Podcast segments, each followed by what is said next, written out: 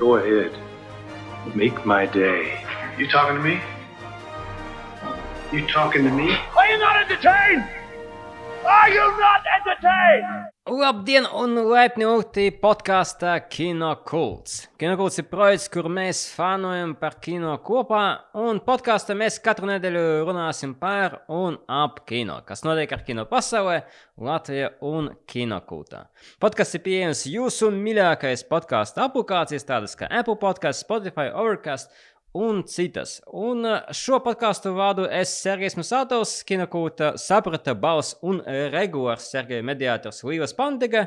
Čau! Un Adama Sandura filmogrāfs uh, Sergejs Timonins. Es neticu tam, uh, tam, tam uh, teikumam. It's a lie. Čau. Es ticēju Ridley Scottai, es ticēju Jason Statham, bet Adama Sandura. Mm, not būsi so sure, pārsteigts. un varbūt varbūt arī labi. Cik no viss atklāsies. 24 filmām, kas ir Netflixā, tu esi redzējis? No Ādams Sandlers. 24, kas ir Netflixā. Bet, uh, ja es atzīšu šo, es negribētu.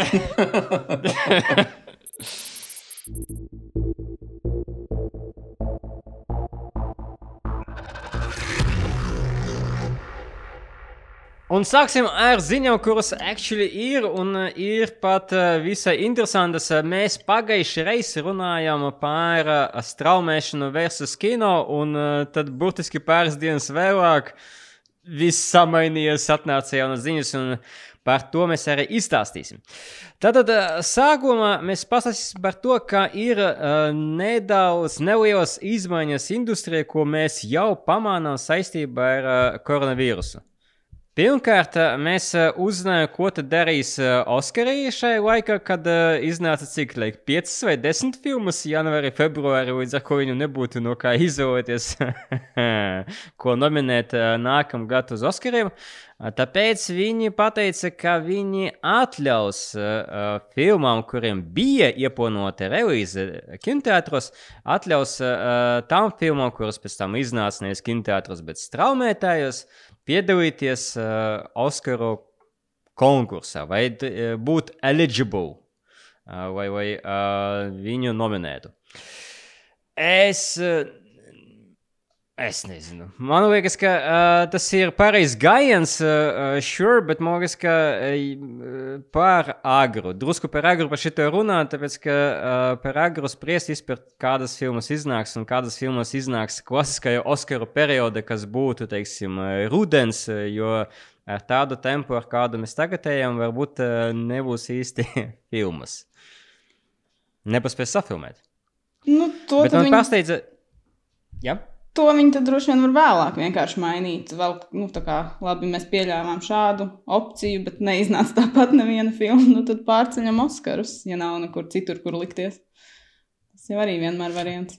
Es, es nezinu, es laikam varbūt citādāk to visu nolasu, bet, manuprāt, tas ir nevis tā, ka viņi atļaujas piedalīties filmām, kuras iznāk straumēšanā, bet beidzot mēs esam nonākuši tieši tur, kur mums ir jau sen bija jābūt.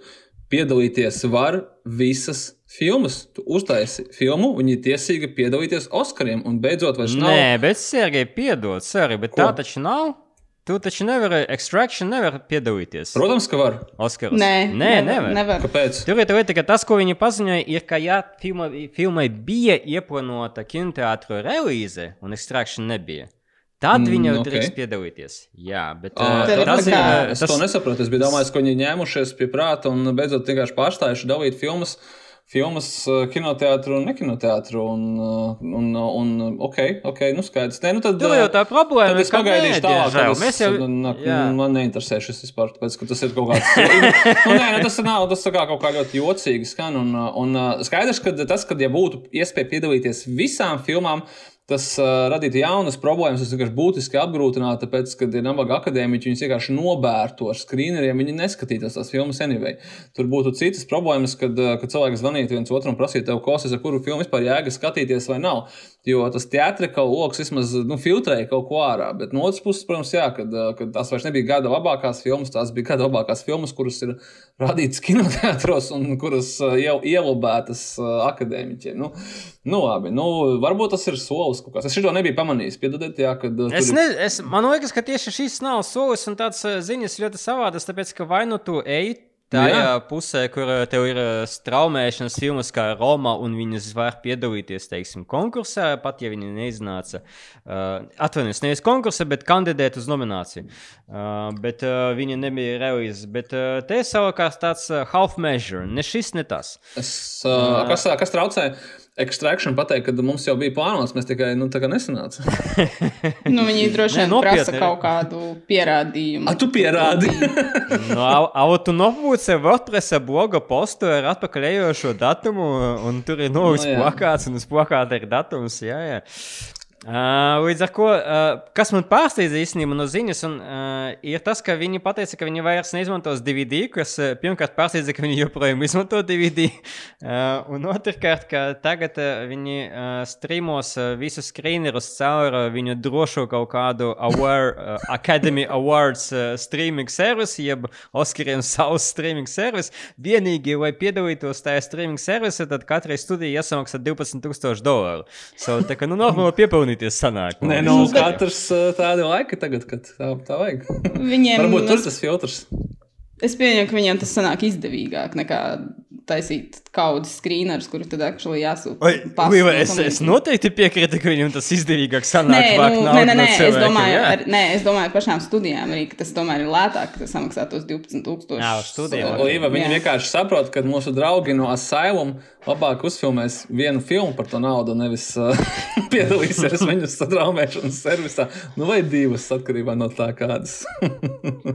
Viņam nebūs Bet, jāfiltrē. Tā, tas viena films. lieta gan no, no tas ziņas kas, eh, ko mēs varam eh, uzskatīt laikam par labu, par cik mēs nestrādājam neviens no mums uh, skaņu departamentā, tas, ka uh, skaņu kategorijas, uh, kuras nu, visi. Visi vienmēr jauca, ieskaitot kino akadēmiķus, un tas bija sound editing un sound mixing. Nu, tad beigu beigās uh, tiks apvienotas vienā, un tas būs bez sound. Un tagad nevienam nebūs šaubu par to, ko tieši uh, bez. Bet tad uh, būs mazāk kategoriju? Vai tagad būs 23, nevis 24? Nu, labi, tas atceros... nozīmē, ka vienkārši mazāk iespēju saņemt Oskars kaut kādiem cilvēkiem. Nu, tas, tas tā. Bet viņi nu, te, liekas, diezgan saku, bieži deva vieniem nesam... un tiem pašiem. Jā, Abās. viņam jo. varēja būt divi, tagad būs viens. Nē, tas mazina. Bet uh, varbūt būs tā populārā filma beidzot tajā kategorijā, kur, ko viņi visu laiku runā, kad vajadzētu. Vajag, vajag izmaiņas, zin kā, cita Best laika. popular movie. Mhm. Jā. Man liekas, ka vajadzētu ja tur jau bija cilvēki, teica, drīzāk, nu, tā kā, ja vajag kaut ko aizvietot, vajadzētu labākie kaskadieru triki piemēram. Klausies, savu ievies gribēju šitai svarīgi, es gaidīju, ka mēs to varēsim parunāt, jo es vienreiz lasīju to no pašu kaskadieru, es, nu, tā kā sekojot līdzi, kāpēc tas ir ļoti slikti un kāpēc to nevajag darīt. Tāpēc, ka šobrīd objektīvi tu vari izvērtēt to, bet parādīsies cilvēki, kas sāks apzināti riskēt ar savu dzīvību un sisties nost, lai uztaisītu trikus, kurus nevarēs pārspēt. Respektīvi, viņi reāli sāks darīt, jo šobrīd viņi dara to, ko viņiem liek, un viņi nedomā par to, tāpēc, ka nu, galvenais, ka viņiem samaksā normāli. Man šeit ir tā lielāka problēma, nu, ka viņiem mazāk maksā un, un ka viņi ir tiešām ir atbildīgi par kino. Bet tas bija tas arguments no paša kaskadieru puses. Ja būtu balva par labāko kaskadieru darbu, tad cilvēki, ah, ok, es varētu nolikt no mājas īstenībā, es varētu nolikt no lidmašīnas īstenībā, man sanāks. Un, un tas būtu tāds iespēja sacensties kaskadieriem savā starpā. À, nevari... Kad tu saki, ka tas kaskadieris domā, ka viņš varētu nolikt no. no ēkas vai no lidmašīnas, tu domā Tomu Krūzu vai kuru tu ne, ne, domāju, tas... Varbūt arī Toms Krūzs saprast, ka viņš grib dabūt arī vēl vienu Oskaru un tā. Nu, ka tā ir reāli varētu būt problēma, zinot šo cilvēku mentalitāti, ka viņi sāktu sacensties nevis dēļ tā, ka filmā tas ir jāizdara, bet dēļ tā, ka, nu, kad es varu un es gribu dabūt šo balvu beidzot, un, un ka tas kaut kā citādāk ir jārisina. Un kas, kad ir savs, savu apbalvojumu, nu, kas nav Oskaros, viņiem ir savas balvas, un tur, tur viņiem, viņi tiek arī atalgoti. Tā kā tur ir. Nu, Es arī agrāk domāju, ka vajag noteikti dot kaskadieriem, un tad es sapratu, ka, hei, ja viņi paši saka, ka uh, tas ir, varētu būt problēma, ka vienkārši būs daudz vairāk nāves gadījumi, ja cilvēks sacentīsies, kurš ir labākais, hmm, ok, I guess. Man liekas, ka um, tā problēma varētu pastāvēt, bet tā problēma jau pastāv un, un tam palīdz YouTube uh, skatītāju skaits. Jo, ja mēs izgūsim par kuru un, un tur highest building, tad mēs atradīsim ļoti daudz klipus, kur cilvēki dara tieši to, ko tu tikko minēji. Nu, jā, nu, viņiem ir savas balvas, un viņiem, viņiem ir problēma, ka viņi tiek ļoti maz atalgoti par to savu darbu un, un par drošību un tā tālāk. Tā kā, tā kā es arī par to Oskaru tā, nu. Mm. Nu, tad nē, laikam. Rejected, skaidrs. Jā. Bet uh, vēl trakākas izmaiņas, kas uh, laikam gaidāmas, ir saistība ar Universal. Jo atnāca pirmkārt ziņas no Universal par to, kā tad gāja filmai Trolls World Tour, kuru mēs uh, pieminējām vienā no iepriekšējiem raidījumiem, ka lēmums bija sekojošs. Uh, filmu Trolls World Tour studija Universal izlaidīs gan uh, kinoteātros, gan uz VOD servisos uh, pa cenu 20 dolāri, kas būtu cena, ko tu samaksā, lai izīrētu filmu uz 48 stundām. Uh, bet, kad viņi to paziņoja, tad kinoteātrī jau kinda slēdzas ciet, jeb tas uh, īstenībā lēmums bija nevis izlaist vienlaicīgi, bet izlaist tikai uz VOD. Un tas uzreiz skaidrs, ka ne visus apmierināja kinoteātru. Klātbūtnē, klāstā. Bet tagad atnāca ziņas no Universal, cik tad viņu beigu beigās sapilnīja naudiņas. Un, pateica, ka sapilnīja vairāk nekā pirmā daļa, kas iznāca kinoteātros pirms četriem gadiem. Jo um, kaut arī varbūt box office kopējais bija drusku mazāks, procents, ko Universal studijas saņem, ja sadala ienākumus ar uh, tiem pašiem straumētājiem, ir lielāks. Uh, nevis 50-50% kā ar kinoteātriem, bet 80% studija Universal, teiksim, un straumētājiem paliek 20%. Nu, tas, protams, varēja tur laikam ir kādam 70, kādam 20, uh, sorry, kādam 70, kādam 80% uh, atkarība no straumēšanas platformas. Mēs paši arī ar to divojam. Bet fakts, ka tāds, ka viņi ieraudzīja, ka, hei, naudas ir daudz, vairāk nekā iepriekš. Uh, so, uh, es domāju, ka, vai, vai drīzāk paziņoja intervijā, ka uh, turpmāk viņi, kad arī Covid beigsies, uh, domās uh, ar katru filmu, vai laist viņu tikai kinoteātros, vai laist viņu uzreiz gan kinoteātros, gan uz PVOD, jeb Premium VOD. Bet, bet ko, pirms mēs ejam tālāk, jā, pēc tā, es es apskatījos tos ciparus. Uh, Un man vienam jāsaka, ka vai nu es esmu pieradis pie kaut kādiem uh, Hollywoodas rekordiem vairāk, man viņi nelikās nemaz tik lieli. Īstenībā es tā kā padomāju, tur jā, viņi, kas tas bija? Cipari, pirm... cipari, lai konkrētāk būtu, 95 miljoni bija um, Pirmajās... pār weekendu. Par weekendu vai par pirmajām divām nedēļām? Pir, sera, pirmajām divām nedēļām, jā. Nu, lūk, 95 miljoni par pirmajām divām nedēļām, no kuriem viņi sev saglabā 80% apmēram vidēji. Pareizi? Uh, jā, tā bija reportēts, ka 80% jeb saskaitīts nu, apmēram viņi saglabāja 77 miljonus. Nu, less, okay, uh, savukārt, savukārt, pirmā filma, kas iznāca, viņa bija uh, box office pa divām nedēļām apmēram 120 miljoni, un tad viņi savāca sev 50%, drusku zemāk, droši vien, jeb kaut kādus 60. Jā, jā, nu, uh, bet vienkārši es domāju uzreiz par to, ka pirmajai daļai bija mazāk, Sīkvels, ja viņš būtu kinoteātros, būtu visticamāk lielāks, bet pirmajai daļai bija, uh, es nezinu, kāds tas final box office, un pēc tam visticamākais analoģisks uh, digital release vai DVD vai tā tālāk. Bet otrajai daļai, nu, tagad viņi izīrēja to filmu un tās divas nedēļas, un tie vecāki ar bērniem, kas sēž mājās, kas noteikti to palielināja. Uh, bet kur būs pārējā nauda? Vai, vai, vai, vai nebūs tā, ka viss, viņiem nebūs pirmkārt tā kinoteātra daļa, kas ir vairāki simti miljonu, nu, tā kā griez kā gribi, bet, nu, tā kā kabatā viņiem, tāpēc, ka viņiem parasti ir 300, 400 pasaulē, 500 un vairāk uh, tas gross box office, no kura tur, nezinu, tur 50, 40%, jebkurā gadījumā vēl vismaz pāris simti miljonu, un tad tu pelni no tās filmas mājās, un šeit viņi jau ir nopelnījuši mājās.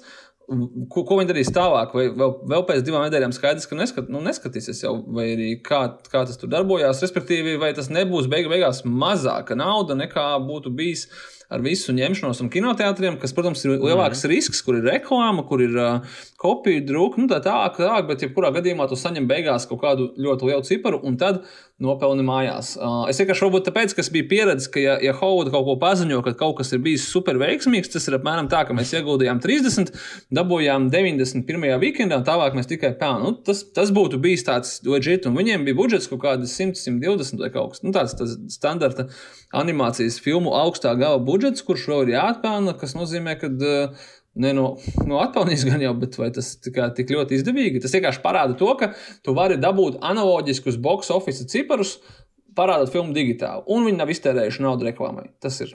Un es pat teiktu, ka arī negluži tā, tāpēc ka Jāņem tomēr vairāk, kāpēc arī tāds skaists, tāpēc ka mājās sēž ģimenes ar bērniem, Jā, kuri noskaties Frozen 2 jau piecas reizes, un hei, iznāca jauna multfilma, davai ieslēgsim un noskatīsimies to. Beidzot, iznāca jauna multfilma. Un, uh, tad skaidrs, ka, ka visas mājas uh, imetnieki tad uzreiz arī noskatās, un varbūt pat divreiz paspēja noskatīties pat tam 48 stundām. Vai arī Sergei, kā man daudz draugi ar bērniem, kā viņus mūsdienu straumēšanas servisi padara par pirātiem. Bērns grib skatīties Frozenu visu Nē. laiku, Ko? un uh, filmu, var, filmu var tikai īrēt. Un tu viņu īrē vienreiz, īrē otrreiz, un tad tu beigās pasaki, pīk, un nozods, lai tas bērns var skatīties viņu katru dienu. Tas ir par Frozen.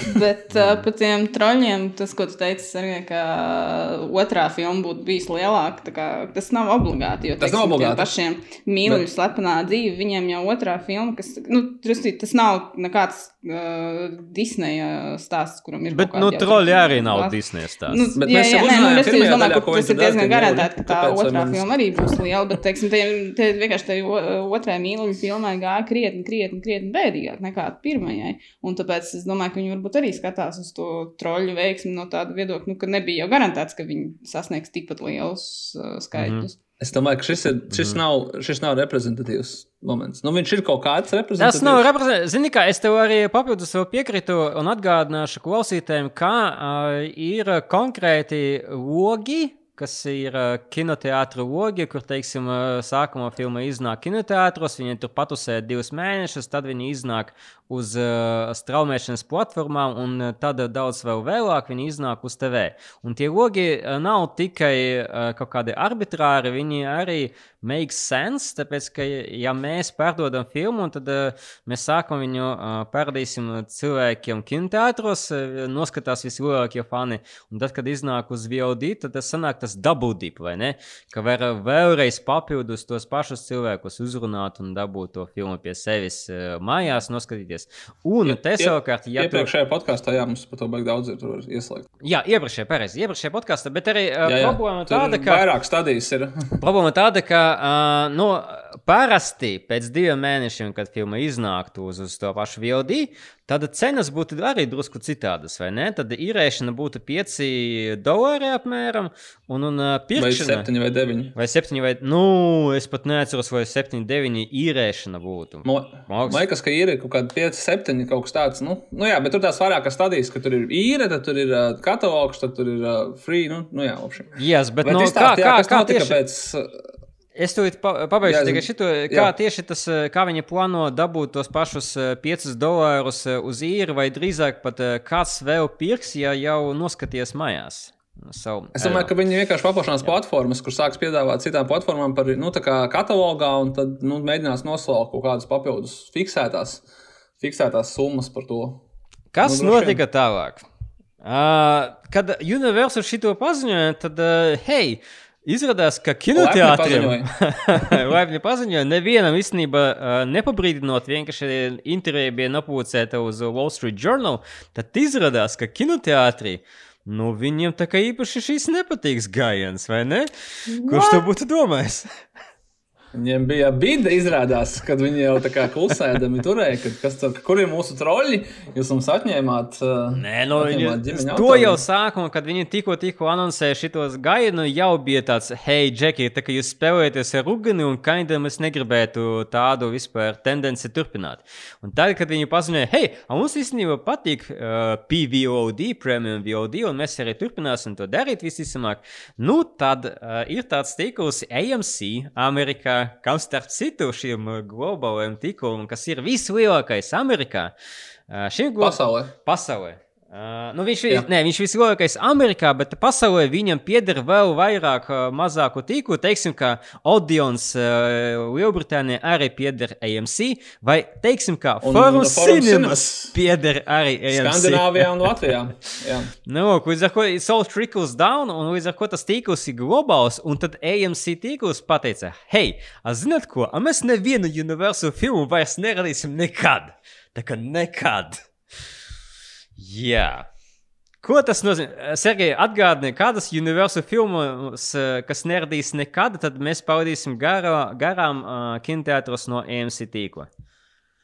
Nu, vienkārši kaut kā uz sitiena Fast and Furious 9, James Bonds jaunākais un Jurassic World 3. Nu, tās ir miljardu filmas, visas trīs. Un tas ir tikai tas, kas O. bija jau ieplānotas, un kas jau Nu, tas, tas ir garantēts, garantēts milzīgi. Nu, jā.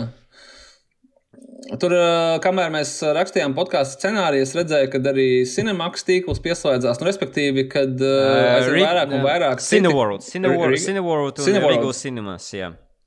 Jā, kad, kad, nu, kad laikam, gaidīja tikai, kad kāds lielais nāks klajā, un, un pārējie kinoteātri tīklu pieslēdzās un arī saka, nu, mēs esam solidāri ar AMC, un mēs arī tā kā. Nē, no to be fair, Regal Cinemas, eh, kas ir tāda otrais lielākais tīkls Cineworld, eh, viņi pateica, ka viņi skatīsies case by case. By case. Tā kā, ja, ja eh, šī filma iznāk sākumā kinotētos un tikai pēc tam uz VOD, mēs viņu radīsim, a ja viņi iznāk vienlaicīgi, tad mēs arī mēs viņu no- neradīsim. So viņi paņēma tādu drusku mierīgāku approach, jo AMC burtiski tā kā aizcirta durvis, pateica, nu neviena filma nebūs. Tāpat kā ar klases saldojumu. Jā, nu kāds atradīs, te- teorētiski kāds noteikti atradīs uh, uh, zirga galvu sev gūtā, uh, bet līdz tam brīdim uh, skaidrs, ka, ka viss kaut kas vēl mainīsies, uh, jo uzreiz tad uh, piebiedrojas asociācija ar, no kinoteātra īpašniekiem Amerikā, tad atbildēja vēlreiz Universal, ne jūs mums nesapratat pareizi, un nevajag te lūdzu rādīt ar pirkstiem, un, un mēs neesam vainīgi, un vispār jūs mums apbežojat. So, sanāca tāds uh, globāla skēla kašķis. Un pagaidām viņam vēl- nav risinājuma. Vienīgi ir atnākušas ziņas, ka jauna Džada Apatola filma Universal arī iznāks uz VOD, nevis kinoteātros. Jeb uh, The King of Staten Island, uh, um, Džada Apatola filma ar Pitu Davidsonu uh, iznāks uh, vasarā uz VOD servisa. Ne tikai ar Nu, Pītu tas- Davidsonu, bet par Pītu Davidsonu. Ar un pār. Tur, Jā.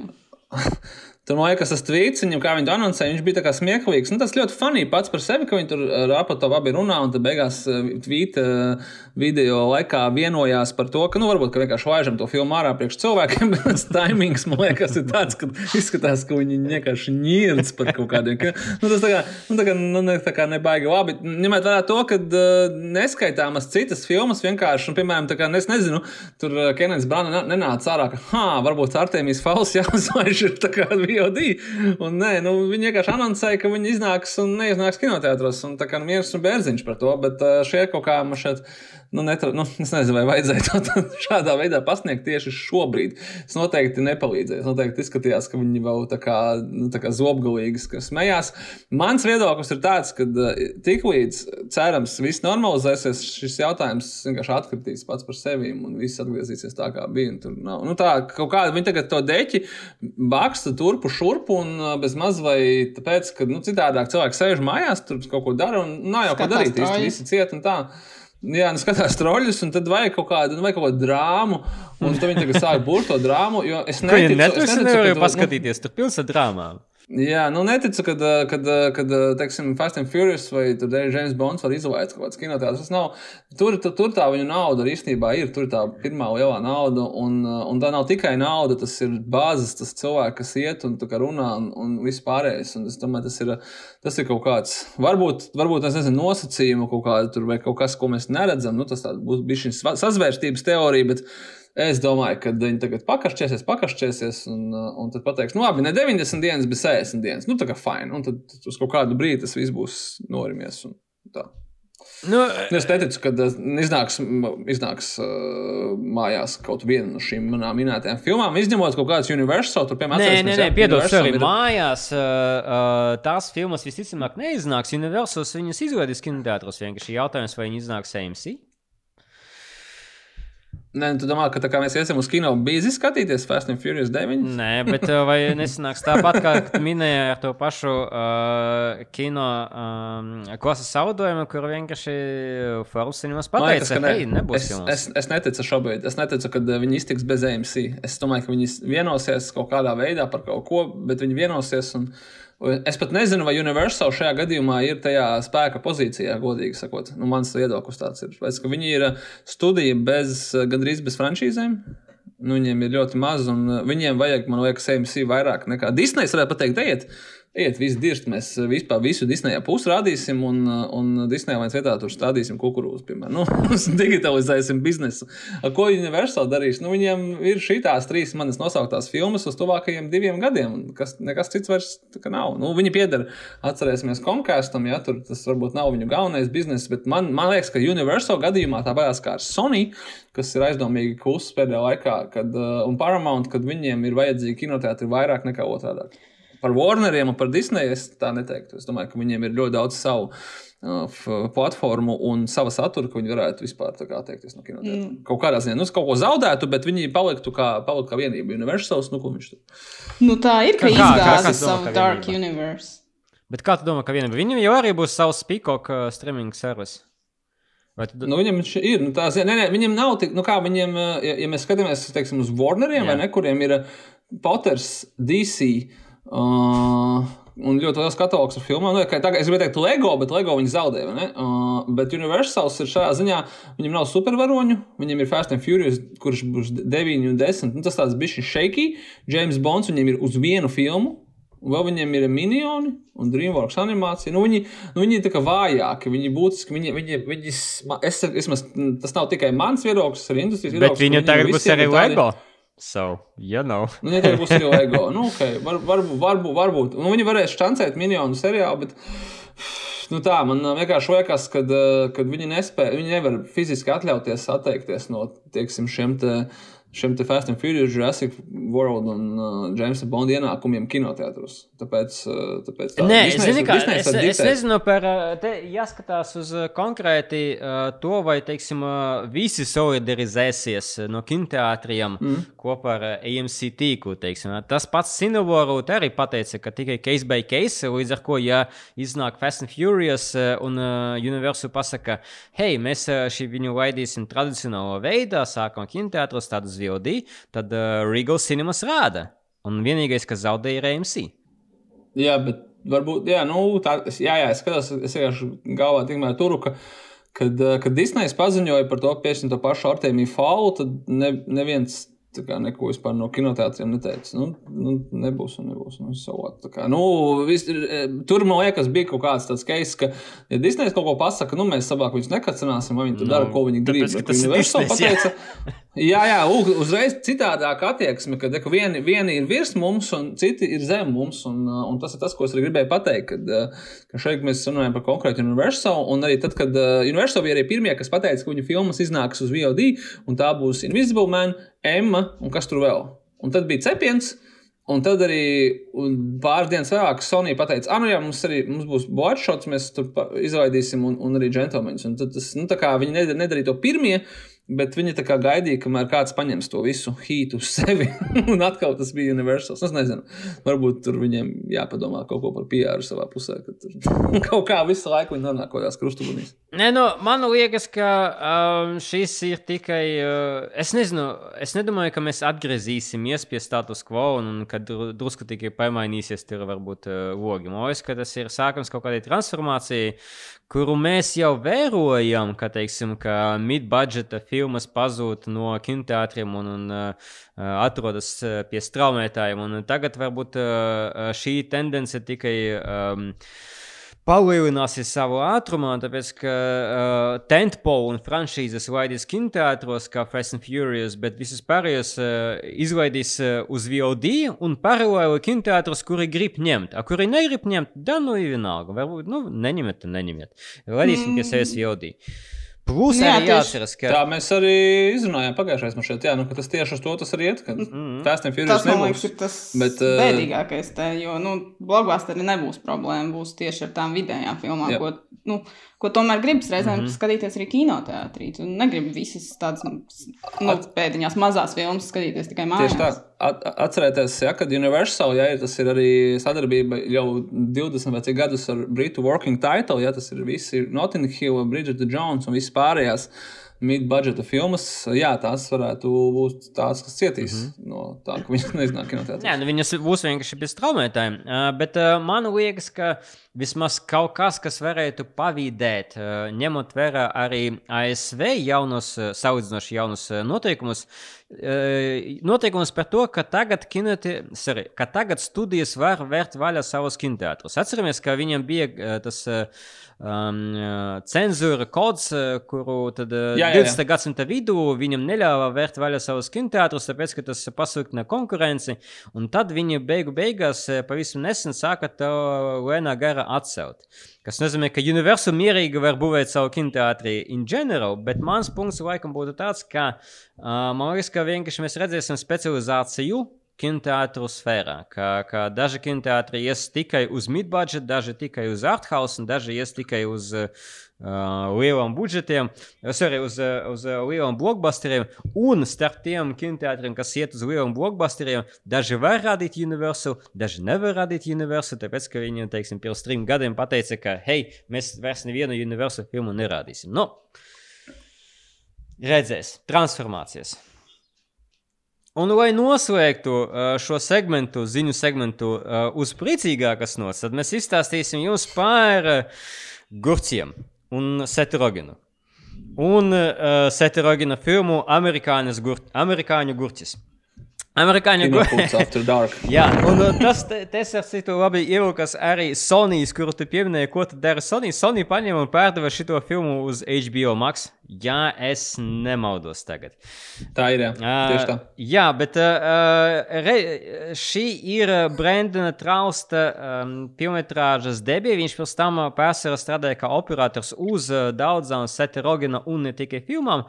Un uh, stāsta par uh, Heršelu Grīmbaumu, kurš imigrēja uh, pagājušā gadsimta 20. gados uh, uz ASV cerot uz labvēlību savai ģimenei un sev, un nejauši iekrita cisterna ar fermentētiem gurķiem, kur arī palika sakonservēts uz simts gadiem. Un tagad, mūsdienu Brooklynā, viņš atjēdzās, eh, sameklēja savu vienīgo pēcteci, programistu Benu Grīnbaumu, uh, un abus gan uh, Heršelu, gan Benu spēlēja Rogens. Viņš jau nopūca Instagram bildi, tad uh, laikam uh, Heršela Grīnbauma veidoja ļoti labi, ļoti patīk. Līdz ar to uh, tāda veida sižetu, sižetu es gaidu, uh, tad, kad beigu beigās būs ziņas par to, kad mums būs HBO Max. Vai nebūs? Tas uh, stāsts, es saprotu, ir balstīts uz kaut kādiem īsā stāsta. Patiesības. Patiesiem notikumiem. Cerams. Bet uh, Protams. viņš ļoti man atgādināja, ja kāds varbūt ir lasījis Vašingtonam Ervingam, arī ir tāds īsais stāsts par Ripu Van Vinklu, kurš arī bija tāds kungs, kurš uh, kaut kur aizklejoja, aizmiga pie koka un tad pamodās 20 gadus vēlāk un neko nesaprata, kas notiek. Un es viņu saprastu, vai, šiten, vai, vai šeit ir kaut kāda saistība ar to vai nav, jo, jo kā amerikāņu gurķītim ir kaut kāds cits īsais stāsts pamatā, bet nu, šis vēl jāpapēta. Nu, man viss patīk. Man patīk amerikāņu gurķis, man patīk koncerts, man patīk, ka tur būs tāds rogens, eh, līdz ar ko es, es gaidu. Tāpēc mē- mēs iek- iekļāvām šo ziņu. Mūsu galvenais eh, temats šoreiz ir saistīts ar jautājumu, kuru mēs eh, laikam eh, saņēmām visbiežāk, es pieļauju, mūsu darbības laikā. Un tas ir, kurš izdomāja šo nosaukumu? Kurš izdomāja šo debīlo nosaukumu? Es. Jā, es esmu izlaidu debilu parasti tas arī bija iekļauts īpašības vārdi, ir iekļauti. Kurš izdomāja šo debilo nosaukumu, kur ir šie tūki, iedodiet lūdzu mūsu ad adreses. Nesaprot angļu valodu, kādu nevar iztolkot kaut ko normālu. Nu, un, protams, hashtag zēvēkos un tā tālāk. Mēs, mēs atbildēsim uz to jautājumu, bet mēs sadalīsim mūsu atbildes divās plaknes. Viena ir, ka ir tad, nosaukuma tulkojums, un ir cits personāžu tulkojums. Un, un, un, divas da dažādas plaknes, un mēs apskatīsimies abus. Kā pats, pats, pats sākums, teiksim, ja mēs ķeramies klāt pie uh, nosaukuma tulkojuma, kā izplatītais. Un bieži vien tā arī sanāk. Mums atnāk, teiksim, vai mēs nopērkam kādu filmu, kā, teiksim, mēs reiz, kā no kinofestivāla nopirkam filmu Sharknado 3. Viens uh, un mēs nopirkam uh, Sharknado 3 kā piemērs, un, un tad mums uh, uzdevums ir uh, viņu pārtulkot. Un kā tu pārtulkosi tieši Sharknado? Aizies uz to nado? Um, Uh, jeb uh, tas ir uzdevums katram izplatītājam, kad viņš dabū savu īpašumu filmu, uh, kā to pasniegt uh, skatītājiem, kā to pārtulkot, kā sasniegt interesi no skatītājiem. Un uh, te ir viss tas jāņem vērā, pirms mēs uzliekam vispār kaut kādus uh, konkrētus nosaukumus. Vai arī, sargai, uh, mēs, vai arī mums vienkārši vēl pirms viss ir jāpasaka, kad ir. Ir tulkojums un ir adaptācija. Un filmu nosaukumiem biežāk ir adaptācija Kamēr pašai filmai, protams, ir tikai tulkojums. Vat izskaidro, kā tu, kā tu saproti tulkojums un adaptācija. Tulkojums, tas ir tad, kad tevi iztulko tiešā, tieši viens pret viens vai maksimāli viens pret viens, cik tas ir iespējams, ņemot vērā uh, valodu, lingvistiskās īpašības, uh, kas, kas ir bijis oriģinālā. Nu, tā es to saprotu. Adaptācija ir tas, ka tu nopērci produktu, un mēs runāsim tieši tādās kategorijās, un tu viņu adaptē konkrētajam tirgum, un tam nav īsti saistības arī ar kino piemēram, šokolāde Dove, ja nemaldos, citur Eiropā saucās Galaxy, nu, un, un līdzīgi. Tāpēc, ka tajā valstī likās, ka tas ir labāks nosaukums. Un ļoti daudz dažādu veidu produktu, kas, nav, kas, nav, kas ir patēriņa preces, ēdienas un pārējais, nu, kas ir adaptēts. Ņemot vērā valsts kaut kādas specifiskās īpašības, vai arī subjektīvi viņas pārdevēja kaut kādas vēlmes tādā veidā pasniegt. Līdz ar to filmu nosaukumi, pat cik filma ir prece, kuru tiek tirgot uh, patērētājiem caur kinoteātriem, filmu nosaukumi visbiežāk tiek adaptēti, ja ir skaidrs, ka tiešais tūkojums varētu nestrādāt vai kaut kādā veidā strādāt pret filmu vai pret viņas finansiālajiem panākumiem. Un te, es domāju, ir ļoti daudz, daudz dažādas teiksim, tā, varianti, un ir arī daudz, daudzi varianti, kur nosaukums speciāli tiek izdomāts, nezinu, muļķīgs, stulbs, nu, kaut kāds uh, pretencios, lai tā filma gūtu lielāku popularitāti, vai skandalozitāti, vai kaut kā līdzīga. Tas, tas noteikti ir apzināti, tiek darīts, uh, nevis uh, kāds ir nepratis iztolkot. Līva, kā tev šķiet? Nē, tas ir tāds ļoti svarīgs aspekts, jo, jo reizēm jau ir arī nosaukumi, nu, kurus tu nevari burtiski pārtulkot. Un tad ir jādomā tie veidi, ka Nu, pirmais, kas uh, nāk ātrumā prātā, teiksim, mums bija James Bonda filma Skyfall. Un kā mēs viņu kā, burtiski mēs viņu nevaram pārtulkot, jo viņai nav tāda šim vārdam neviens tāds konkrēts. Pagaidām, viņa nesauca mēs... debes kritis. Nebija. Bet filmā viņam ir konteksts tam vārdam. Kāpēc? Nu, tā filmā ir konteksts, bet arī filmā tam arī īsti nav nozīme šim vārdam. Nu, Māja, nu, kurā tu, tu, piedzima tu Bonds. nu, tas nu, būtu ne, ne, bet tas punkts ir. Pagā, kā Skyfall? Ah, operācija Skyfall. Operācija Skyfall, jā. Uh, bet nu, tas m, punkts mums ir par to, ka tu nevari atšķirt vārnīcu, paskatīties, o, šitā iztulko vārdu Skyfall un uh, ielikt to vienkārši filmā. Tev ir jādomā kaut kādi varianti. Uh, Nu, protams, ka tu nešķiesi vārnīcu, tāpēc, ka visi izmanto Google Translate. Es nesaprotu, Līva, kura gada nu, vai arī mm, es dzīvoju 20. gadsimtā. Vai arī, nu, vai arī, nu, es nezinu īstenībā, kas notiktu, ja tu ierakstītu Google Translate Skyfall vai viņš Skyfall atrastu vai nē. I'm on it. Jā. Bet, uh, nu, ir tādi šādi gadījumi, vai arī, kad ja mēs paskatāmies vēsturē, ir kaut kādi pavisam interesanti gadījumi, kā tas bija teiksim, ar to pašu uh, Disneja animācijas filmu Moana. Krītiens no debesīm. Kritiens no Jā. debesīm. Operācija kritiens no debesīm. Welcome. Nu, lūk. Point break? Problem solved. Bet uh, tas, jā, tas, ko es sāku teikt par to Moānu, teiksim, ir arī kaut kādas pilnīgi absurdas situācijas, ka Itālijā šai filmai bija jāmaina nosaukums, jo ir viņiem pornozvaigzne ar vārdu Moāna. Un tad uh, Itālijā šī filma pārtapa par Oceāniju. Nu, es Vai, nezinu, vai, Oh, shit, what? vai arī. Bet viņi jau visā Oceānija Eiropā vai pārtapa pēc tam par. Vajanu, vai ne? Un viņi arī pēc tam, jā, savukārt, Just to be sure. Kā reģistrēta.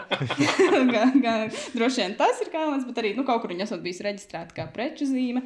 Un, nu, attiecīgi, ir kaut kādi ļoti, reizēm ļoti, varbūt pat savādi faktori, kas liek to nosaukumu tā mainīt. Tas, ka, tas ko vērts šeit ir atcerēties, ir tas, ka nekad neviens, es domāju, ne izplatītājs, ne tulkotājs nesēž un tā kā nedomā, kā es varētu kaut kā smieklīgi šito. Nē, sabojāt. es domāju, ka tas tā ir. Ei, mēs tā visu laiku domājam. Smieklīgi, Es tieši gribēju bet, nu, pat ne par mums teikt, bet uh, Krievijā jā. ir. uh, Mēs neuzgūlējām to, bet tas uh, ieliksim kaut kur notos, ka viņam taču Krievijā kaut kāds izplatītājs, kas ir, uh, kas pērk tādas lētās filmas, un viņš speciāli viņam liek kaut kāds nosaukums, kas ir kā pazīstami. Tur es minējis, ka šitais uh, Toma Hārdija Fonso, kurš tagad visu kaut kur pelda pa straumēšanas platformām, ka viņiem, viņi, teiksim, bija Licosa šramam. Nu, uzreiz tā kā, nu, jā, is it.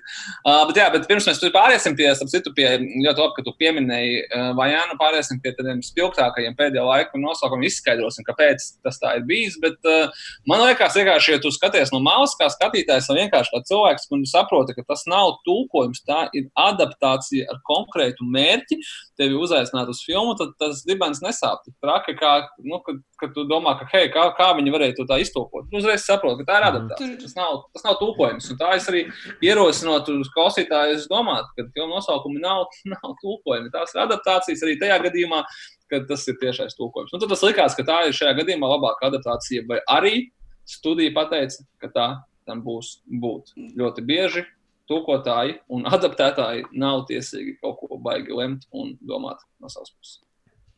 Te ir, te ir labs punkts par to, ka mums, kā izplatītājiem, sava īpašuma ir diezgan limitēts skaits ar instrumentiem, kā mēs varam aizvilināt skatītāju potenciālu uz filmu. Ir Tīpaši tāpēc, ka mēs zinām, ka filma ir laba, bet mums vajag, filma ir maz zināma, mums vajag kaut kā par to izstāstīt. Un mūsu īpašumi ir traileris, plakāts un filmas nosaukums. Un liekas jau, ka nu, filmas nosaukums aizies jau uz jebkuras filmas nosaukumu, bet nē, iet bieži vien balsoties uz filmas nosaukumu. Tas bija konkrēts case, kad cilvēks aizgāja nevis uz Whiplash, bet uz Hunger Games, tāpēc ka Hunger Games bija smukāks nosaukums. Vai viņš redzēja iepriekšējās trīs daļas Hunger Games? Nē, neredzēja, bet viņš aizgāja uz Hunger Games 3, tāpēc ka Hunger Games, nevis Whiplash. Whiplash ir boring nosaukums, un es blakus stāvu tam cilvēkam kasē. Tas bija Forum Cinemas kasē, kas viss notiek. Es blakus stāvu un stāstu, Whiplash ir super krūta filma, kā no kinofestivāla bija. Tāds stāsts. tāds mūzika, drāma, trileris. jā. Nē, Hunger Games. Man tāds pastāsts uh, bet- arī par uh, Pacific Rim, kas ir ļoti slikts nosaukums, versus Hangover 3, kuras piedāvāja čaļiem biļetes bez maksas uz mūsu. Vienkārši viņi nepazūd. Viņi tā kā, ai, nē, mēs esam uz Hangover. Nu, tie, tie, čaļi mūsu klausās, ja, protams, tūbeņi. Zaudējāt toreiz un zaudējāt tagad. Es vienkārši jums atgādināšu šo idiotisko piemēru. Bet jā, lūdzu, turpini. Uh, bet uh, atspiroties no tā, kad mēs skatāmies arī uz, uz nosaukumu, ir uh, viens ļoti konkrēts piemērs, kāpēc, teiksim, uh, ko tu saki, ir nevis, uh, local, nevis tulkojums, bet adaptācija. Un tas piemērs ir Paddington. Paddington, kad iznāk Lielbritānijā, visiem ir skaidrs, kas ir Paddington, tāpēc, ka viņiem pirms tam iznāca ilgiem gadiem grāmata ar personāžu Paddingtonu. Un viņam ir dzelzceļa stācija Paddingtona, līdz ar to viņi visi zina, kas ir Paddingtona. Kad Latvijā iznāk filma Paddington, nevienam nav skaidrs, what the fuck is Paddington.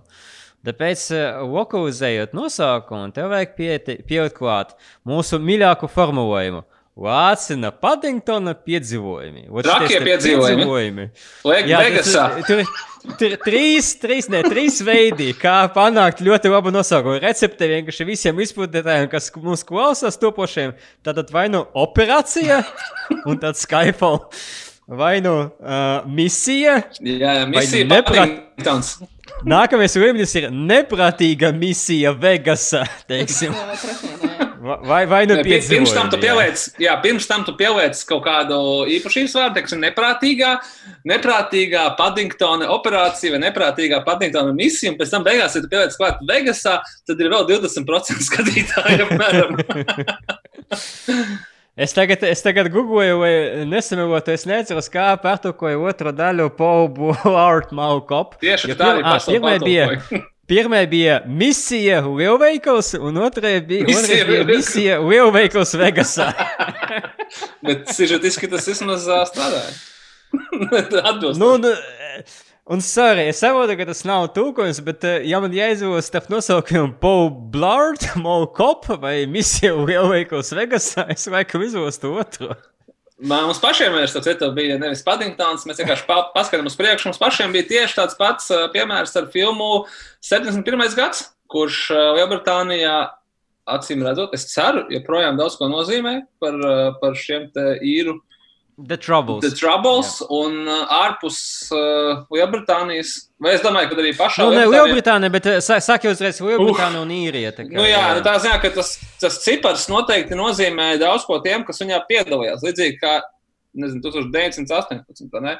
Bet ārpus tā tas neko nenozīmē. Līdz ar to mēs īstenībā to laiku tā bija viens no mūsu pirmajiem projektiem, un mēs pēc ļoti ilgām sarunām un pārunām pielikām klāt kols pēdējais kareivis, kas bija kaut kas, kas attiecās uz filmu stāstu.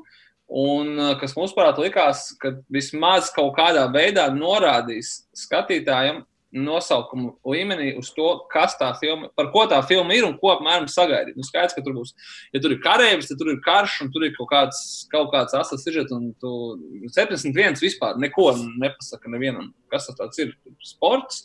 Stilīgs nosaukums, bet neko Nu, nepasaka. jā, nu, tā kā, noskatoties filmu, ir skaidrs, kāpēc tu aizēji Wikipēdijā, palasi visu foršu, kā izglītojies.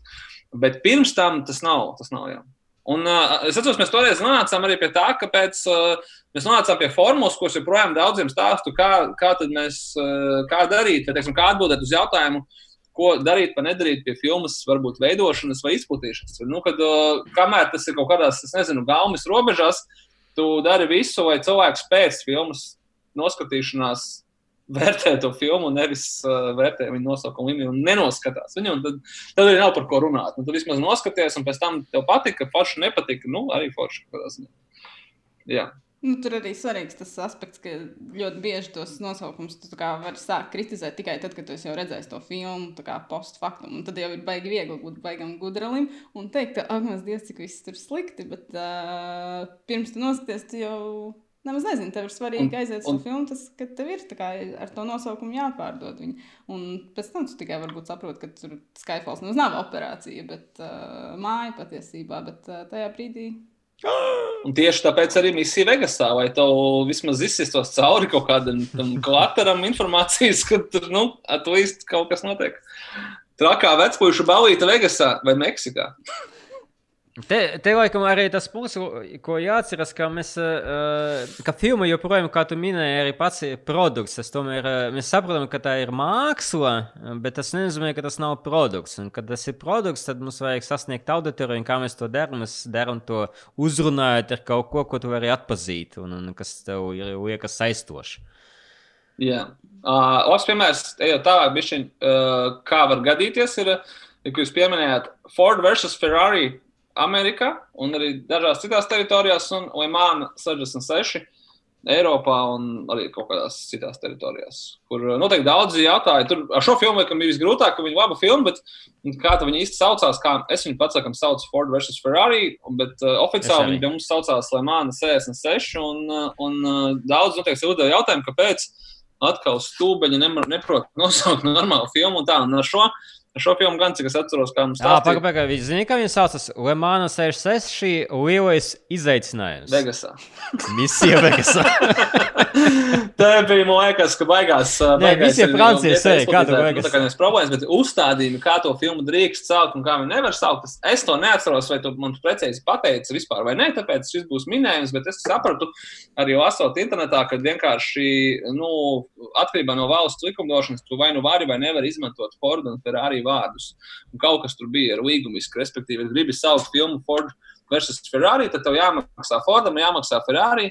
ja nu vienīgi likumdošanā nav noteikts, ka tu vari izmantot viņus kā nezinu, īpašvārdus un kaut kā līdzīgi. Tāpēc tas bija diezgan milzīgs, milzīgs pains studijas, to, to laiku studijas Fox juristiem, kurā teritorijā viņi drīkst viņu saukt un kurā teritorijā viņiem ir jāmaina nosaukums. Jo noteikti ne pie kādiem apstākļiem nosaukums vai mana 66 nav kaut kas tāds, ko kāds ir vēlējies likt. Nē, visas, pilnīgi visas teritorijas ir vēlējušās likt Ford versus Ferrari, tāpēc, kad uh, obviously abi šie vārdi ir ļoti labi zināmi, un, un, un tur bija pilnīgi skaidrs, kas tā nu, tur būs par braukšanu, par sasīkstēm, par to, kā sacentās Fords un Ferrari. Nu, gadās arī tā. Jā, nu tie faktori vis, visdažādākie mēs būtu ļoti bieži, nu, kā tu teici, jo tas Ford versus Ferrari ir tāds ļoti uzskatāms, piemēram, ka tie ir pilnīgi divi dažādi nosaukumi. Nu, kā, jā, bet tas ir, tas ir juridiski. Juridiski visticamākais Fords ne, tā, negribētu, jā. lai viņi izmanto nekur, un Ferrari, bet kaut kur tas ir atļauts, un kaut kur tas nav atļauts, un tad viņiem vienkārši jāpiekāpjas un, un tā. Bet, bet tas, ka viņi, tas nav, tas nav nosaukums, ko izvēlās. Otrādi droši vien. Ferrari droši vien negrib. Nu, jā. Ford versus the other bet, jā. Bet, teiksim, arī uh, ar grāmatu, nu, tā kā filmas, kas ir balstītas uz grāmatām, tur arī ļoti bieži dažādi var gadīties. Jo jūs atceraties uh, filmu A Monster Calls, uh, kas ir uh, balstīta arī uz grāmatas, kurai angliski tāds pats ir nosaukums A Monster Calls. Pie mums viņa tika saukta septiņas minūtes pēc pusnakts kas ir uh, nosaukums, ar kādu viņi tika izdot grāmatu pie mums. Savukārt, mm. tas, uh, tas septiņas minūtes pēc pusnakts. Tā kā vainīgi ir grāmatu tūkotāji, nevis kino tūkotāji. Mm. Tā arī vajag teikt. Uh, jo tas septiņas minūtes pēc pusnakts pašā filmā arī figurē. Tas nav tāds pilnīgi no zila gaisa izrauts arī kaut kas. Bet uh, nu, šeit kaut noteikti tā loģika ir, nu, ka tad attiecīgi. Ja ir jau šis grāmatas nosaukums, tad uh, kāpēc tu viņu neizmantot? Un tad tur jā, jājautā. Jā, Bet tad viņš vienkārši labāk skan. Tā.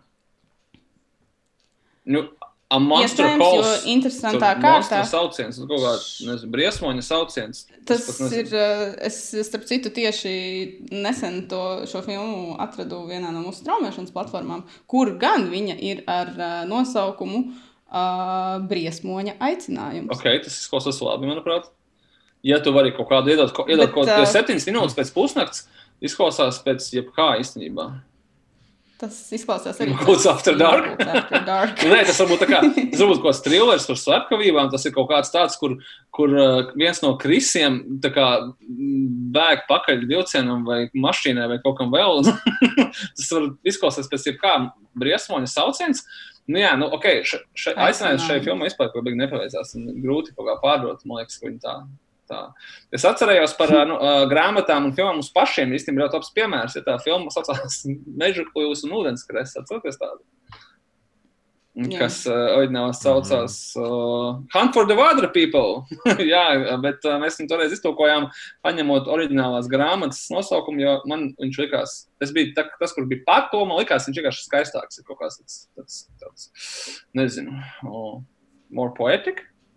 Nu, viņš filmē piestāvēja vairāk, man liekas, nekā, nekā mežoņus meklējot. Nu, tas, tas tā. Nu, dažreiz mēs paļaujamies uz to, ka, ka ir cilvēki, kuri ir gudrāki. Mēs zinām, ka mēs eh, tikai dažreiz uz to paļaujamies. Reti, jā, bet nu, dažreiz mēs paļaujamies uz to, ka cilvēki ir gudrāki kā mēs. Līdz ar to mēs vienkārši paņēmām nosaukumu, kur jau ir. Arī likās, ka uh, tā būs tā, kas vai tītī filma arī toreiz un vēl svarīgi, kā viņi saucās. Tāpēc, ka nu, neviens no tiem nosaukumiem nav tāds, kas pārdotu kādam uz āru. Lai gan Taika vai Titi filmu par kuili. Tāds ir nosaukums. Un tagad Taika vai Titi filmu par zaciem. Nākamā būs Taika vai Titi filmu par futbolu. Tā kā varbūt tas kaut kā palīdzēs.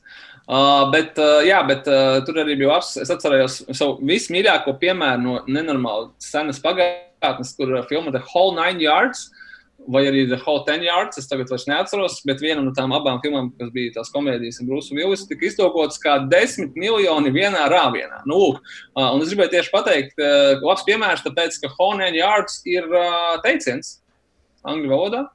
Kuram ir sava nozīme, un kuru tu nevari iztulkot burtiski. Līdz ar to tur izplatītājs ir beigts emocijās, meklēt kaut kādu latviešu analogu. Vienkārši nosauca, kas tajā filmā notiek. Yeah. Tas ir tas, bieži vien tā, ka nosaukumā viņi izdomā ļoti smuku uh, vārdu spēli vai, vai kaut kādu frāzi, un tas viss ir baigi, baigi cool, bet nekādā gadījumā to nevar pārtulkot uz latviešu valodu. Tas uh, bija arī līdzīgi ar, uh, piemēram, ko minēja ar Whiplash, Yep. kas uh, arī kā jēdziens tā kā ar dažna, dažādu nozīmi angļu valodā. Mm -hmm. un, uh, es atceros, mēs toreiz paši arī diskutējām gari un plaši par to, kā, kādu nosaukumu šai filmai varētu dot. Un beig beigās mēs nonācām pie acis. Tas bija kompromiss, tāpēc, ka tas bija, nu, kaut kā viņi bija jāsauc. Bet man tas beig beigās likās ļoti veiksmīgs kompromiss. Jā, bet tas, nu, tas vienmēr, tas nav tas. Tas nav tas. Ne, tas, un, ne, nu, lūk, un tieši tā, bet uh, tas punkts ir par to, ka, ka, ka, ka kārtībā reizē nu, tev tā kā ir jādomā ārpus tā kaut kāda rāmja. Un, uh, jā, jāmeklē tie, tās versijas un tās adaptācijas, jo tev nu, pātagas circiens šajā gadījumā nestrādā īsti ne filmas kontekstā, ne arī nekā citādi. Un tad, tad, tad tie nosaukumi, nu, tas, tas, tas process ir tāds vienkārši krietni sarežģītāks, man liekas, nekā cilvēki varbūt reizēm mm -hmm. iedomājas. Nē, o- ka tas Es gan, es gan piespēlēšu te drusku daļu uz advokātu. Uh, uh, un, un? Uh, pateikšu, ka uh, dažreiz to. Daž, jā, Keanu Reeves, uh, dažreiz tomēr gadās, uh, ka, ka, ka lokalizatori un izplatītāji iet to, to pusi, kur viņam kaindi vienalga, vai tas skan pareizi, neskan pareizi, galvenais vai pārdot. Nu, piemēram, es pavisam nesen minēju filmu, э, kas krievu valodā sa- skan kā Krasotka 2, Zbižavšая невеста, kas bija filmas Runaway Bride nosaukums, un kāpēc Krasotka 2? Tāpēc, ka bija Pretty Woman, pirms 20 gadiem vai pirms 10 gadiem, kas iznāca tad, uh, ar Richardu Gīru un Džuliju Robertsu. To pārtulkoja par Krasotka. Un, kad iznāca vēl viena filma ar tiem pašiem aktieriem, viņi pārteica Krasotka 2. Zbiežāšana arī... iesta. Nu, es domāju, ka, ka, ka Krievijas jau nosaukumā ir atsevišķi temats, kur ir Niko, septiņi un... un, un... Jā, jā. es tieši gribēju pieminēt Sigavu. Ir kaut kas, kur tur ir vēl kaut divi, bet tam, tam nav, kam nav īsti nosaukums. Nu, tam nav saistības ar, ar tūkojumu, tam ir saistības ar... ar uh... Man bija bērnībā video kasete no nomas, kur bija rakstīts Robocops tikai tāpēc, ka uh, tajā filmā tēvoja Pīters Levers. Nu, tur nebija nekā. Nu, tā bija vienkārši filma ar Pīteru Leveru galvenajā lomā.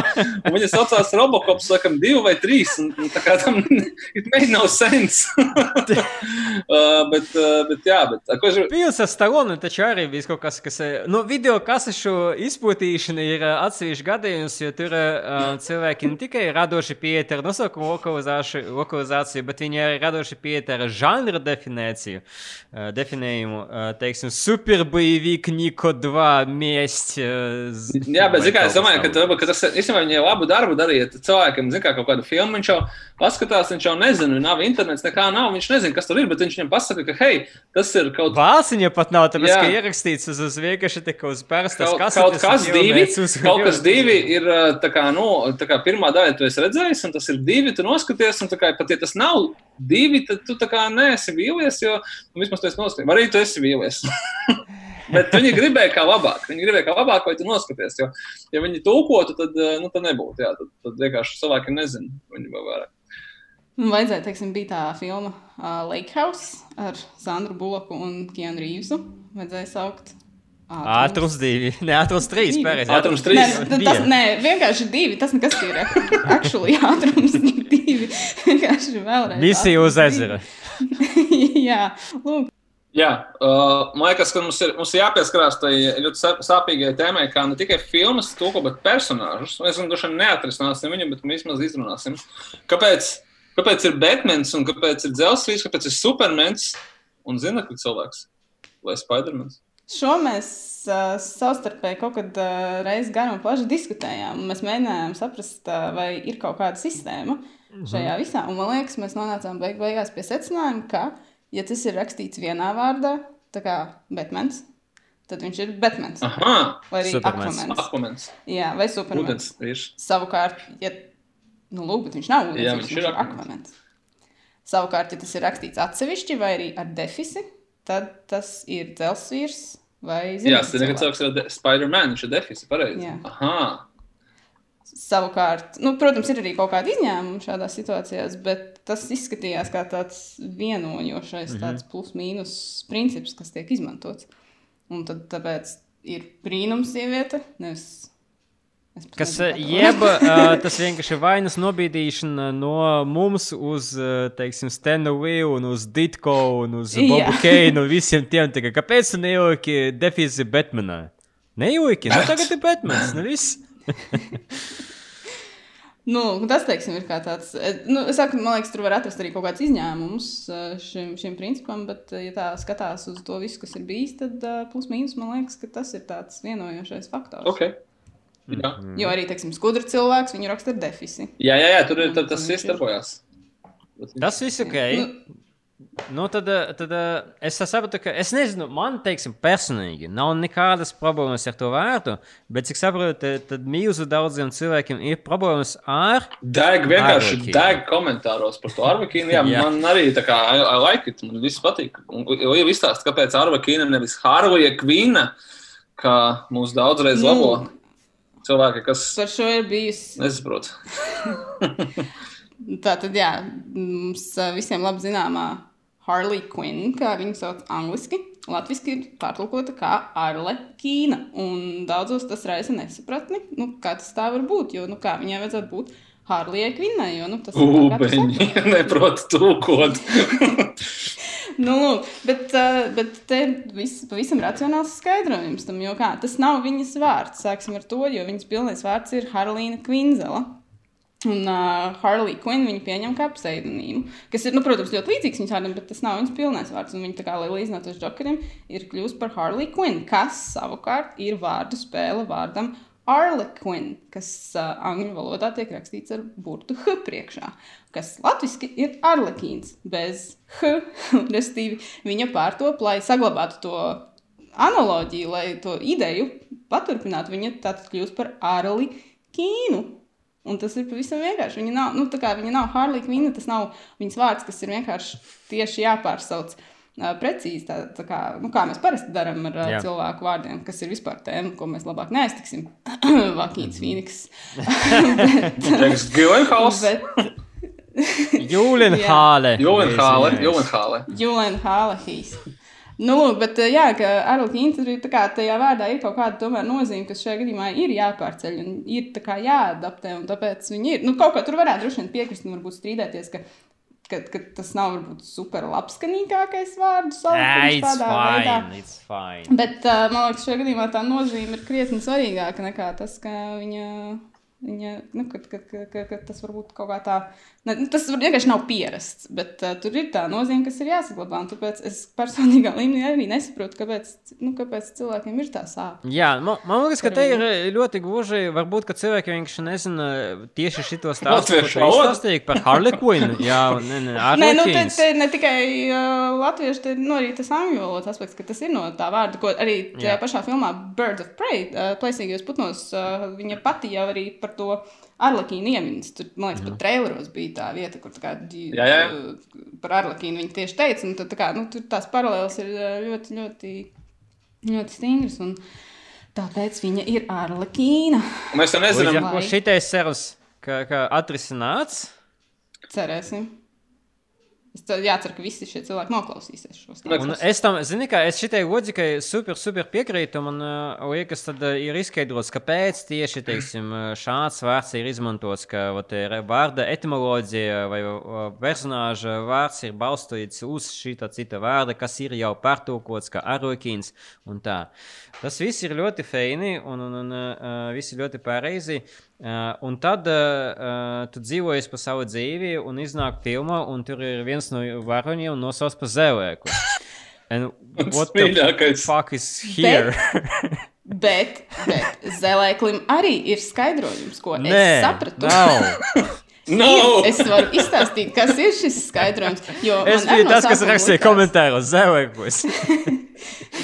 Nē, jo man arī, nu, tā kā, jo tas, nu, tā kā būs godīgi, tas neizklausās super labi, bet es Nē, tam super labi. tas kādā brīdī Ču- sapratu Čubaka. skaidrojumu. Tieši tā, jo viņš, viņa pilnais vārds, čūja pilnais vārds ir čubaka. Un uh, tā kā tur arī var atrast kaut kādu nozīmi, tas tika iztulkots, nu, tā kā saprasts kā saliktenis no chewing un tobacco, no diviem vārdiem, kas kopā sanāk kā zelējumā tabaka un saliekot kopā, tā ir zelē tabaka. Nē, pilnā nopietnībā. Tas ir tā kā Kāds zelē saka, tabaka, es, ja es, viņa ne, pilnais es atceros visas trīs filmas. Ordzināla trilogijas. Viņš nesmeķē. Čubaka tas te kaut ko. Un pat Nē, nu, snus. tā kā tas nelika. tikai viņa, viņa vārds ir šā, tā kā, uztverts kā šādu divu atsevišķu vārdu saliktens, un tad, attiecīgi, viņš ir latviski bijis tulkots iepriekš kā zelē tabaka, un tad tā kā tāda pamazināmā forma no tā sanāk zelēklis. Nu, Bet, šis uh, bet nav Maiks varbūt- šo jautājumu arī, arī, arī Daksai Anžanē, kas to tūko, un tas nav tā, ka, nu, ka viņi nāk klajā. Arī varbūt uzsmeķējot kaut ko vakarā. Tā kā es domāju, hei, Nu, ka tas, ot, zāles, zāles sorts, zāles sirna, kā zelēkuis. I'm there, tikai tas ir pareizi. ar tas viss čubakas to ka bildi.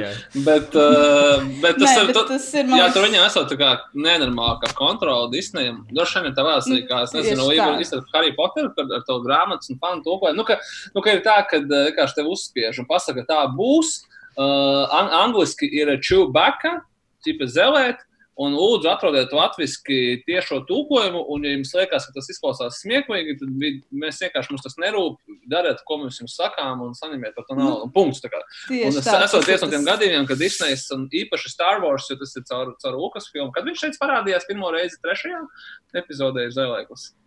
Kurš gads tas sanāk? Tas bija tur, kur es viņu pamanīju. vienreiz. Jā, Nu, Tā ka tas ir jau kopš Nu, kad, tā laika. Bet nē, nu, tas ir atkal tas punkts, jau, ko mēs teicām sākumā, nu, ka tas, tas netiek darīts ar kaut kādu mērķi. kā, faniem vai skatītājiem, kādu, vai ieriept vai- faniem, ka tur ir, teiksim, jā, ka šajā gadījumā, nu, ka tas viss arī ir jāsaskaņo ar, ar, ar, ar, ar augstāk stāvošiem spēkiem, tā teikt. Un, un, ka, nu, ka tas nav tā, ka kāds sēž, sēž tulko un izdomā, ka oh, es tagad šis būs beigas smieklīgi, es viņu nosaukšu par Es, es, es, sorry, es visam piekrītu. Izņemot, kad nonāk līdz zelēkam, man liekas, ka tur sēdēja kaut kāds konkrēts cilvēks un tā kā, ah, shit, zelēkos, whatever. Bet uh, tam ir arī tomēr kaut kāda sava labā puse. jo, nu, There is a line and the line goes chewy. bet kā bija pārējie, bija Lūks debes gājējs? Bet es domāju, ka debes gājējs, bet uh, vēlāk tad, uh, tika pāriets atpakaļ pie Skywalker. Bet, teiksim, debes gājējs man tīri labi patika, jo man liekas, tas bija tajās pirmajās epizodēs, ko es redzēju, kas bija, nu, tā kā prequel triloģija un kas bija tā kā. Nē, bet pieredze. debes gājēji. Pārāk jā. tikai. Grūti izrunājums, jā. Bet Skywalkers jau arī ir tāds. Bet, ja katra ar, kā ar Potteriem bija, tas atceros, tur nebija kaut kāda līdzīga schēma, ka viņi visi ir iztūkoti, nu, visi tie Slytherin un Ravenclaw un pārējie, viņi iztūkoti nav, tu nesaki Slytherins, tu saki Slydenis. Un... Slidenis. Jā, viņi ir tā kā tā, tā nu, tas klasiskais variants, ka tas viss ir tā kā pielāgots mūsu valodai, un uh, tur ir viņi pārtulkojuši, nevis tā, ka nu, vienkārši pārlikuši visus vārdus, bet atraduši tos kādus analogus. Nu, teiksim, Snapes ir strups, un uh, ka viņi tā kā saglabā to tādu. Kaut kādu tādu mūsu valodas īpatnību. Nu, teiksim, Nē, mums nu, vieglāk tev- ir pateikt Grifidors nekā Grifindors. Tas, teiksim, izklausās vienkārši labāk. Nu, es zinu, ka mēs Vai Dumidors. Tas man, ā, tas, tas, tas ir manējais. Dumbledors, teiksim, latviešu valodā. tā, ka- Ui. neizklausās. Bet, bet jā, viņi, viņi visi ir tā kā, man teiksim, es atzīšos godīgi, man patīk Harry Potter labāk lasīt latviešu valodā, tāpēc Človeks tuvāks. man kaut kā Emocionāli. viņš, jā, sirdī pierastāks un Cukarpa. Sukā. Cūkārpa, jā. Ah, nē, ar. Potteru ir liekas, kaut kāds vispār unikāls gadījums, jo Rowlinga ļoti slaveni ielika savā grāmatā tik daudz uh, vis kaut kādus uh, hintus vai, vai uh, jokus valodas, jo viņa pati jau taču mācījās valodas, līdz ar ko viņa iemeta daudz, es neatceros, kā pareizi sauc, kad vārdi sākas ar vienu burtu. Uh, uh, Aliterācija. Jā, un visus šitos un, un piegādāja tūkiem no vairums ar darbiem. Līdz ar to viņam tā arī sanāca. Kaut ko viņu. Visgrūtākais bija laikam bija otrajā daļā, ā, kad bija anagramma uh, I am Lord Voldemort. Jā, jā. Uh, un par, pārtāpa par uh, Tomu Marlboro Ridu, vai ne, vai otrādi, otrādi. Uh, un, un šītais uh, sagādāja baigas rūpes visiem lokalizatoriem un tūkojumiem, jo viņi tikai pirmo grāmatu jau pārtūkoja, Voldemorts jau ir, un viņš tā kā, ah, shit, a tagad mums vajag izdomāt vēl kādu teikumu. Tāpēc, jā, tur tie, viņam tie otrie vārdi katrā valstī bija uh, ļoti interesanti. Man liekas, ja nemaldos, Francijā viņš bija Toms Elvis. Uh, kaut kas tāds - nu, bija jāizdomā versijas, kas, kas tā kā strādāt visiem. Nu, lūk, nu jā, mēs esam pieskārušies ā, šim ā, brīnišķīgajam tematam. Mums ir jāatklāj visa patiesība par uh, brīnišķīgo nosaukumu Mans draugs nenopietns līķis. Daudzi mums arī komentāros minēja, ka šis ir viens no spilgtākajiem lokalizācijas, nevis, protams, tūkojuma piemēriem. Mēs to izdomājām. Patiesībā, godīgi sakot, ar jūsu palīdzību, tāpēc, ka uh, filmas Swiss Army Man uh, ir uh, kinoprojekta spektrs, izplatītā filma. Un savulaik, jā, mūs ļoti uzrunāja pirmkārt filma, un otrkārt, kā tad. Uh, kā tad viņi iztūkot. Un, uh, es ceru, ka daudz no jums, kas šo klausās, arī atcerās, ka mums toreiz bija konkurss pat uz to, kāds būs labākais nosaukums. Un patiesībā uh, uzvarētājs mans draugs Nenopietns Līķis uh, sastāv no diviem diviem labākajiem iesūtītajiem variantiem, kur bija Ievas Aleksandrovs, mans draugs Līķis. Kā arī Almas Krastas, mans draugs, izpalīdzīgs cilvēks, un es skatos Marka Baumaņa, universālais līķis. Un mēs šeit mēs viņus salikām, salikām kaut kādā veidā kopā. Mans draugs, nenopietns līķis, protams, atsaucoties uz visiem ļoti labi zināmu latviešu filmu, par ko arī mēs dažreiz joprojām saņemam pa galvu no cilvēkiem, kuriem tas liekas, ka tas ir aizvainojoši šai filmai. Bet te ir jāpiemina pirmkārt, kāpēc mēs vispār līdz tai situācijai nonācām, jo pārtulkot Swiss Army Man nav iespējams. Swiss Army Knife vajadzīgs, vien, nav, nav vajadzīgs, bet Swiss Army Knife ir nāzis, kuram ir konkrēts nosaukums un kurš īpaši netūkojas. It's, nu, Man liekas, viņu latviski tā arī sauc Šveices nāzis. Šveices? Es nezinu. Jā? Yeah? Man liekas, Šveices nāzis. Šveices nāzis. Well, I mean, nu, bet Šveices cilvēks ir, sounds rītīgi. Tas izklausās kā weird. cilvēks no Šveices. Jā. Un tāpēc mēs, mēs sākam gudrot, kā, ko mēs varētu tomēr lokalizēt. Un, ja mēs lokalizējam, tad mēs ejam uz pilnu klapu, līdz ar to, jo trakāk, jo labāk, līdz mēs nonācam pie, pie uh, šī nosaukuma. Bet tur bija baigi... es, uz, es, uzskatu, sir, es uzskatu, ka vi, tas bija viens no um, mūsu success story, jo uh, filmai Swiss Army Man bija vislabākais apmeklējumu skaits mūsu karjerai, izņemot, kad, protams, atnāca pašmāja filmas kā blakus, bet uh, līdz tam brīdim ārzemju filmas Swiss Army Man ir box office hits. Tikai dēļ nosaukuma. Tikai dēļ, Tikai dēļ nosaukuma. Jā, tur bija ļoti labi runners up. Tur bija Aksels Tukvars ar nāvīgi noderīgs draugs. Tas bija forši. Tad bija arī cilvēks kabats nācis. Nu, jā, līķis visām vajadzībām. Meklēja draugu, iekavās dzīvoja mirušu. Saimnieks meklēja līķi. Vīrietim neveicās. 101 veids, ko darīt ar mirušu draugu. Nu, jā, es domāju, ka kad, uh, potenciāls bija visiem. Ah, un arī vīrietim neveicas, vīrietim neveicas bija mūsu tegoins. Bet tas bija tad, jā, kad bija populāri vīrietim neveicas. Jā. Tā, ka rītīgi labi, baigs smieklīgi. Nezinu, vai to kāds, kāds zina, bet... Uh, iekšā, iekšā, vai, vai tikai mēs smējamies, jā.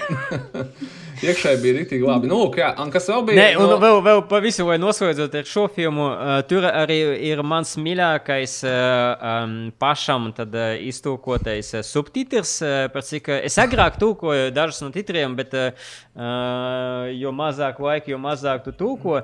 Bet uh, te es dažreiz vienkārši ienāku pie jau, uh, teiksim, Līvas darba vai, vai pie, pie mūsu krievu valodas tūkotāja un apskatos, kā ir pārtūkots kāds lamu vārds. Un es zināju, ka filmā Swiss Army Man pašas, pašas beigās ir viens ļoti konkrēts teiciens, un viņš skan What the fuck? Un man liekas, ka patūkot, what the fuck, pašās beigās, ka kas pie vēlna būtu pārāk maigi, tāpēc tur ir tūkojums, kas pa huņu. tas, man liekas, ir labākais tūkojums un labākais nobeigums mūsu filmai. Tas, tas mēs varam izturēt, izt... jā, vai... kā tulkot lamu vārdus. Tas ir, man liekas, arī atsevišķs sarunas vērts, ko es arī esmu cīnījusies. Ļoti dažādi un interesanti. Un jo viņi kļūst radošāki, jo tas kļūst interesantāks. Un, uh, nu, mūsu leģendārais. Gribēju par to izstāstīt. Iztērēt trīs minūtes un izstāstīt par to, no kurienes radies tūkojums svētie bambāļi. Tāpēc, ka tas ir, uh, tas nāca no, es, es nezinu, Un es arī atvainojos par to, kurš, ne, kurš tulko akme filmas, filmas bet à, uh, nezinu, filmā Ridika, Ridiks, nu, tā kas tā trešā daļa, viņa, tas nāca no turienes, jo viņai tas bija 13, 13. gadā, un tur ir tā aina filmā, kur, uh, kur man šeit kaut kādā pusfilmā viņš nāk ārā no tumsas, un tad viņš iepazīstos pārējos varoņus, un Deva Batistas varonis saka, nu tieši to, ka what the fuck? Nē, nē, nē, viņš saka holy, holy shit. shit. Ah, es atceros, jā, jā. viņš saka holy shit. Un apakšā ir tulkojums svētie bambāļi. Tas likās tik ļoti Tik ļoti, es nezinu, kā pasakot, pozitīvi amizanti, ka mēs uh, kopš tā laika holy shit tiek tulkots kā svētie bambāļi visos iespējamos veidos. Nē, un arī nu- tad, kad filmā nav svētie bambāļi, viņi tur tiek izdomāti un ielikti. Nē, nu, bū, ir Tas filmas, ir, kurās jā, es, teiksim, es nespēju sev pieļaut uzrakstīt svētiem bambāļi, bet, teiksim, Jā, kaut jā, kādās. jā. ā, Ja pārāk nopietni, vai Nu, jā, jo tad, tā kā, nu, tas tev beigas izsit laukā, bet, teiksim, tādās kā Schwarzeneggera tur komando vai Čūlais vai tāda tipa filmās, Jā. tas iedarās vienkārši fantastiski. Un tur tas arī, arī ar mierīgu sirdi esmu to rakstījusi. Jā, In general, mēs, eh, kad uh, sākam sadarboties ar, ar jauniem tūku, tūkiem, tad mēs sakām, ka mums uh, tu tūko, kā tu tūko, bet mums ir viens noteikums. Filmai jābūt svētie bambāļi. Tu, es nezinu, ko dara, bet atradi veidu, kā ielikt. atrodi, kur viņš trāpa, bet viņam jābūt vienkārši filmā, jābūt svētiem Bet tas ir tas prieks, kad tu skaties filmu un viņi pasaka tieši to holy shit, tad ir tāds yes! Beidzot. Un te tad, uh, savukārt, tad, uh, epilogs šim stāstam pirmkārt, tad, uh, atgriežoties pie Sharknado 3, uzminiet, kā mēs viņu pārtulkojam. Well, Sharknado svētie Trīs. bambāļi. jā, Ah, saka, jā. Sharknado 3 svētie bambāļi. Uh, pirmais un otrais punkts bija tas, ka kaut kā, es nezinu tagad, kā ir vai nav, bet kaut kādu brīdī, kad tu ierakstīji Google svētie bambāļi, tu vari atrast mūsu bildi. Nu, lūk, un vēl no komentāriem paldies, paldies jā, visiem, kas teica, ka, ka Jancīgais tūkojums mans draugs nenopietnas līķis ir pirmais, kas nāk prātā. Appreciate that. Uh, bet, protams, kad uh, daudz vairāk par šo jums nāk prātā tulkojums, jeb lokalizācija. Tā noteikti ir lokalizācija. Nevis tulkojums, uh, die hard, cietais rieksts. Nu, kurš grib par to izstāstīt? Jipikai. No, man liekas, ka ir brīnišķīgs, brīnišķīgs tūkojums. Tieši tas, brīd, tieši tas skatījums, mēs jau viņam tikko pieskārāmies, ka tas ir nosacīts nosacīt teiciens, nosacīta meta, metafora. Un, kad ir atrasts kaut kāds labākais risinājums, lai gan mēs būsim godīgi, ka latviešu valodā cietais rieksts noteikti nav nācis no Die Hard, bet no Krievijas.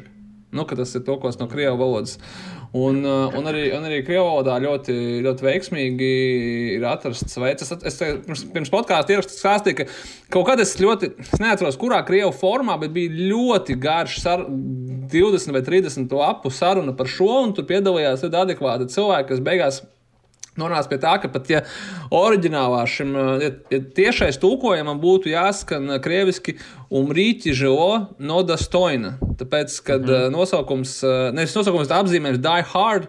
Uh, angļu valodā sevi automātiski ietver to, ka tas ir kaut kas cēls. Tas nevis tā, ka tu esi tārps, kas tur nevar nomirt, tas tevi spiež kā slieka un tu nemirsti, bet tas ir tā kā kaut kas cēls, kā, kā varonis, ka tu mirsti, bet tu nepadodies, tas ir tāds cēlus un piegarš, un te tur obligāti ir jābūt. Tāpēc, jā, tas, uh, un tas arī, manuprāt, es skatījos, arī tā skaitā jūsu iesīt, iesūtītos piemērus, ka tas ir, teiksim, vācu valodā ļoti labi, nu, die hard tulkojums, un kad viņi to ņem ļoti vērā, bet uh, es domāju, ka uh, vārds cietais rieksts. Tas nosaukums uh, diezgan. Kaut kādā ziņā viņš ir pierasts, bet, pat, ja, ja būtu jātulko no jauna, tad uh, tas ļoti labi iedarās. Man liekas, ka ļoti labs nosaukums. Tas, eh, starp citu, Brītis Žona Dastoina bija arī nosaukums, kuru izmantoja Um, uz kasetēm, kamēr nebija vēl oficiālais klipa ieiešana, tad uh, pie Volodārskas kasetēm, uh, Volodārski tad slavenais tūkotais, kas uh, tūkoja ar jums ļoti pazīstamām balsīm. Viņam bija umrīti žilona dostojna, bet interesanti, ka, teiksim, Somija nu, pārtūkoja um, um, caur manu mirušo ķermeni, čīlis moju trupu. Tas jau izklausās, ka Swiss Army man variants. Swiss Army Man, piedod, es vairs aizmirsu, mums bija taču arī epilogs divi, ja paturpinājums tam stāstam, jo mē- mēs sapratām, ka šis ir success story, un mēs mēģinājām mūsu nākamo filmu arī patulkot. Līdz ar to lūdzu noskatieties uh, filmu, vai viegli būt jaunam un bez atbildības. Bet tā negaidīja tik labi. Jā, ne, nebija, nebija. divreiz Nebija, bija ok, bija ok. Vai arī trešo filmu vajadzēja saukt Sergei divreiz vienā upē vai kaut kā tamlīdzīga. Tad mēs sakām, apstājāmies pie tā. Uh, Orģināli cietā arī ekstra grāmata saucās, nu, uz kuras viņš ir balstīts uh, Nothing Lasts Forever. Droši man liekas, Tas ir uh, drīzāk Jaisa Bonda nosaukums. Tā, tā, man liekas, tā cietā rieksta gadījumā, un teiksim, arī tādā piemērā, kas arī bija vairāk kārt minēts, mums eh, visiem ļoti, ļoti labi zināmās hameleona rotaļas. Tas uh, pārsteiguma elements vienkārši ir brīdī, kad tu saproti, kā to sauc oriģinālā, un ka tu visu dzīvi esi to domājis par kaut kādā vienā nosaukumā, un tad uzzini, ka tas oriģinālais ir kaut kas pilnīgi citāds. Tad tur tas, man liekas, tas šoks ir droši vien tas, kas ir tas uh, galvenais. Kāpēc? The bold and the, The bold and the beautiful. beautiful. Jā. Un es uh, intereses pēc mēģināju atrast, uh, vai ir kaut kāds skaidrojums, uh, kāpēc. Jo kā var nonākt pie The bold and beautiful līdz hameleonu rotaļām. Bet tāda, tāda īsta skaidrojuma tur nebija. Bija vienkārši tas, ka bija teikuši, ka viņiem bija nu, tā kā grūti izdomāt kārto pārtulkumu. Tad kāds esot izdomājis hameleonu rotaļu? Nu, šis arī man, man nāca par atklāsmi, un tagad man uh, ir vēlme pārbaudīt, vai Bagāti toža plačit, vai tomēr tur bija kāds cits, cita doma. iekšā Vot, vot, vot, jā, kas Vai, an- vai, vai viņa bija dzikaja roza, vai tomēr kaut kāda roza citāda? Nu, tā tur ir Ā. uh, tādi dažādi tie piemēri laikā. lai tā bijuši. iedod jums vēl mazliet uh, ko padomāt, un, un arī bišķi nomierināt mūsu komentāru autorus, kas tagad beigas atraucās. Es atradu labākos, uh, labākos pasaules piemērus. Uh, piemēram, brīta komēdija The Full Monty. Ķīnā saucās Six Naked Pigs. Tas ir laikam nu, apzīmējums, kā viņi domā par to morāli. Man ļoti patīk, ka cietais rieks trīs Vācijā saucās Die Hard. Mega hard. nu, tā kā die hardest. Ja. Uh, Eternal Sunshine of the Spotless Mind Itālijā saucās If you leave me, I delete you. Tā- kā, nu, lai paskaidrotu, kas tajā filmā notiek. Uh, komēdija Hot Shots Čehu republikā saucās Warm Shots. Viņiem nebija tik karsti.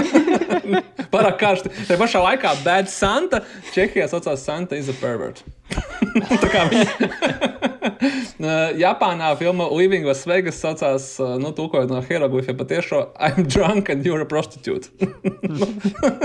nu, tā kā, ok, lielākoties, jā, šie filmu lokalizācijas vai tūkojumi, izskaidro, kas filmā notiek tajā brīdī, kad pēc nosaukuma nevar pateikt, kas tur īsti notiek. Vai, piemēram, uh, filma Step Up ar Čaningu Tatumu Francijā saucās Sexy Dance. Uh, Tā pašā laikā, tajā pašā Francijā, filma Dirty Harry saucās Inspector Harry. Tas laikam bija pārāk, pārāk netīri viņiem. Uh, Filma Grease Ar Argentīnā saucās uh, Vazelīns.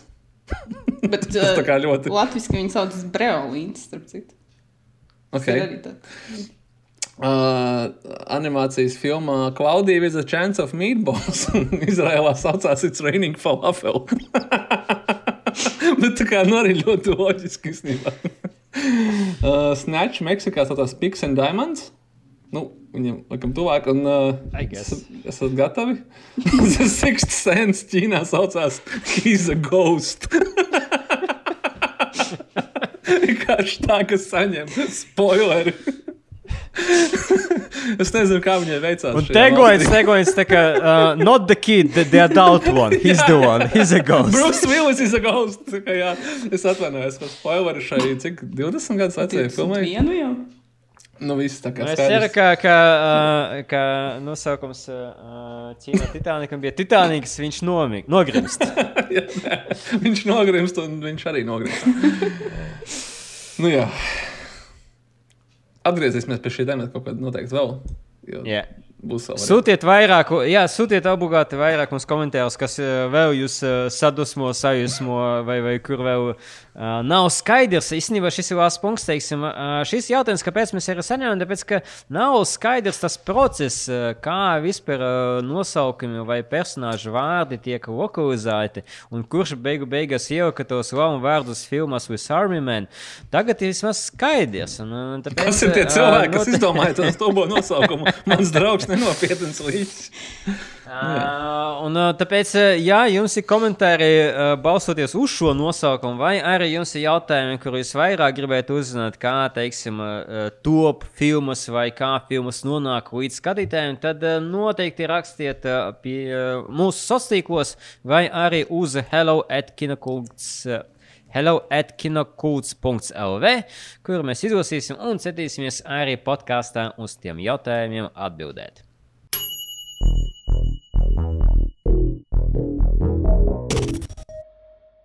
Līva, pagāja nedēļa. Ko tu esi noskatījusies? Uh, es uh, joprojām neesmu noskatījies Fleabag.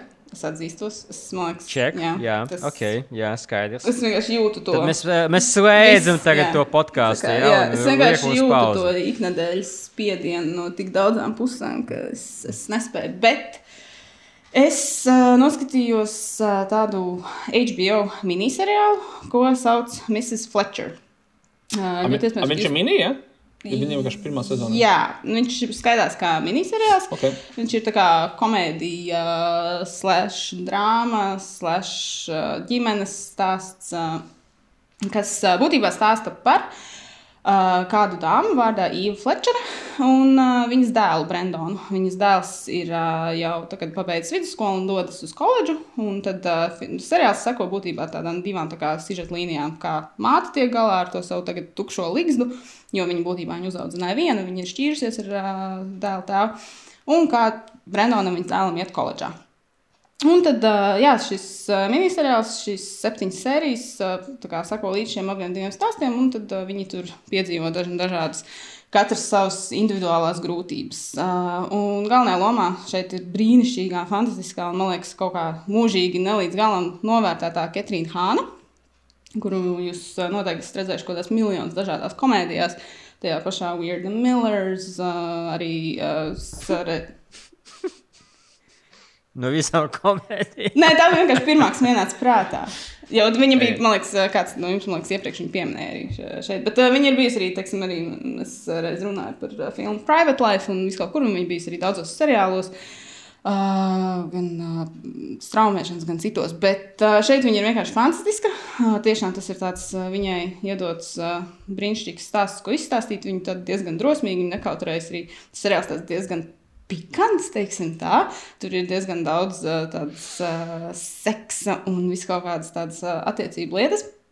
Un, uh, jā, un viņš tā kā stāsta par šo ļoti interesantu dāmu. Īva Flečera. Un, un, jā.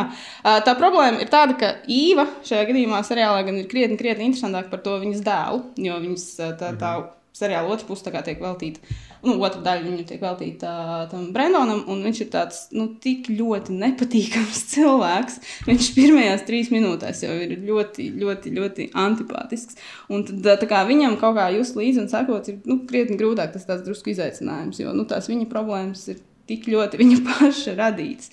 Tā kā vairāk laika varbūt gribas pavadīt ar īvu, bet uh, papildus viņiem abiem arī tajā seriālā ir ļoti daudz interesantu dažādu blakus tēlu un tādu ļoti mm, mūsdienās populārā vārda diverse blakus tēlu, ar kuriem arī ir uh, ļoti interesanti kā, pavadīt laiku kopā un, un uh, uzkavēties viņa sabiedrībā. Un tā visa rezultātā Vienīgais tāds patiešām milzīgais trūkums, ja neskaita to Brendona nepatīkamību, ir tas, ka seriālam ir tikai septiņas sērijas, un viņš ir uh, katra sērija tikai pusstundu gara. Tas būtībā ir tāds seriāls, ko tu vari noskatīties vienu vakaru laikā. Tas ir sanāk, nu, pāris stundas. No viņam sanāk kaut kāds tāds uh, pabeigts. Nu, stāsts? lūk, uh, viņš, uh, jā, bet paliek drusku tāda mazuma piegarša, gribas vēl. Gribas vēl tos tēlus iepazīt, gribas arī noskaidrot, kur tas varētu palikt. Viņš paliek uz tādas ļoti interesantas nots, ko es neteikšu, protams, kas tā ir. Tāda drusku tā kā gaisā karājoties, bet tajā pašā laikā arī viņi strādā kā tāds nobeigums. Jo, kā jūs minējāt, tieši, ko Sergejs pašā sākumā jautāja, tas, tas būtībā skaitās kā miniseriāls. Viņš ir arī balstīts uz uh, grāmatas ar tieši tādu pašu nosaukumu. Grāmatas autors, ap citu, ir arī pats seriāla veidotājs Toms Perota. Un, uh, it kā tas, uh, tas stāsts ir noslēgts, bet tajā pašā laikā viņi it kā teica, ka varbūt kādreiz varētu taisīt turpinājumu. Es tam noteikti Atkarīgs no redzētu. skatījuma. Nu, droši vien atkarīgs no skatījumiem. Ja zini, kā uh, par uh, Big Little Lies arī teica, ka miniseries. tā, jā, tas Un pēc bija. tam iznāca otra sezona. Nu, lūk, bet uh, nu, tur jāstāsta, jo tur bija Little Lies otro sezonu. Nu, tur bija kā bija. Viņi sākās, man liekas, ļoti labi, bet tad atkal aizgāja vairs netik labi. Tā ka, nu, no vienas puses varbūt būtu forši redzēt kaut ko vēl, bet no otras puses varbūt labāk atstāt tā, kā ir. Bet, uh, jā, tāds Uh, bet es starp citu, es uh, drusku atmaigu pret uh, Big Little Lies otro sezonu, bet tas laikam stāsts uh, citai reizei, kad uh, Sergejs noskatīsies, un tad mēs varēsim apspriest. vai uh, tas ir reāli. to. Ne, noteikti ir sarakstā, bet tālu Watch that. neredzu no šejienes. Bet, nu, lūk, jā, tā ka šāds uh, HBO uh, tāds mini produkts noteikti iesaku. Arī Latvijas mobilā telefona vietā televīzijā atradīsiet, un vēl visur citur, kur mums HBO produkti ir pieejami. Un, uh, jā, īstenībā es tagad laikam gribu izlasīt grāmatu, jo varbūt tur ir kaut kas vairāk. Bet tāds, jā, tāds, tāds, tāds patīkams savā ziņā nieks, bet uh, atmiņā paliekošs. Mhm. Tas bija viens, ko es noskatījos, un otrs ir uh, uh, nu, par jau minēto flību, kas tam jūsu peer pressure vēl neesmu ļāvusies, un vēl neesmu noskatījusies, bet es ļāvos citam peer pressure un sāku skatīties uh, Sergeja Musāta iecienīto arī seriālu Sex Education uh, kas ir uh, pieejams uh, Netflixā. Tas ir tāds uh, komēdijas seriāls, kas uh, stāsta par uh, tādu nu, nabaga tīni. Piedod, piedod, ka es tevi tur pateikšu, bet uh, stāsts ir precīzi, nu, ok, ne precīzi tas pats, bet uh, Kaida tas pats, ka Mrs. Fletcher jau arī mamma ar dēlu. Un, jā, patiesībā es domāju, tas stāstīja Mr. Fletcher, un es domāju, ah, sex education. Okay. uh, tiešām, es to pat nebiju tā savalkus tāds paralēls, bet, bet tāds tur tiešām ir, jā, jo šajā gadījumā stāsts arī ir par Tīni un viņa mammu, tikai šajā gadījumā Tīni mamma ir uh, seksa terapeite, kas viņam attiecīgi dzīvē sagādā kaut kādas zināmas problēmas un uh, Un, un, un grūti dzīvot skolā, tā teikt. Bet viņš atrod tam viltīgu risinājumu, jo kā, nu, ka, ar ko tīņi skolā ir apsēsti ar seksu. Un viņiem arī vajag īstenībā seksa konsultantu. Tad, ja tava mamma visu kaut ko zina, tad nu, no viņas es kaut ko iemācījies. Un tad mūsu galvenais varonis Otis tād, atver tādu savu tā kā, seksa terapijas rūpalu, palīdzot tīņiem. Es neesmu noskatījusies visus seriālus, es noskatījusies, kad es tagad negribu samalties pirmās trīs vai četras sērijas. Bet uh, man ļoti patīk. Viņš ir tāds ļoti sirsnīgs, tas seriāls patiesībā, un tāds ļoti iejūtīgs pret visiem saviem galvenajiem varoņiem, pat pret galveno riebeklī, skolas huligānu un buliju. Viņi pat viņam atrod tādas kaut kādas tādas nu, personības iezīmes, kurām tu jūti līdzi. Ka viņš nav viendimensionāls. Tieši tā, būjis. jā, viņam ir tā kā viņš ir, ir viņš, viņš ir cilvēks arī. Uh, bet, uh, nu jā, viņam arī tieši ir ļoti interesanti dažādi tie daudzie tēli. Uh, man ļoti patīk seriāls soundtracks, kas nav mazsvarīgi. Vienmēr priecē, ka tu dzirdi dziesmas un saproti, ka tās jau ir tavā Spotify sarakstā. Tad ir patīkami klausīties. Un, uh, jā, tāds interesants, man liekas, arī ļoti interesants tas. Uh, stils, jo kā, tas seriāls acīm redzam notiek mūsdienās, jo viņiem visiem ir, nu, ir iPhone, datori un viss kaut kas tamlīdzīgs, bet tajā pašā laikā viņš ir tāds, tāds retro nedaudz, teiksim, ģērbšanās stila ziņā. Jā, tieši tā, viņiem ir tā kā, nu, tāds, tāds interesants mikslis, ka tu. Tā, tā nav tāda moderna tīņa, tur komēdija vai drāma, tur ir kaut kāds tāds arī tāds stilistisks odziņš klāts.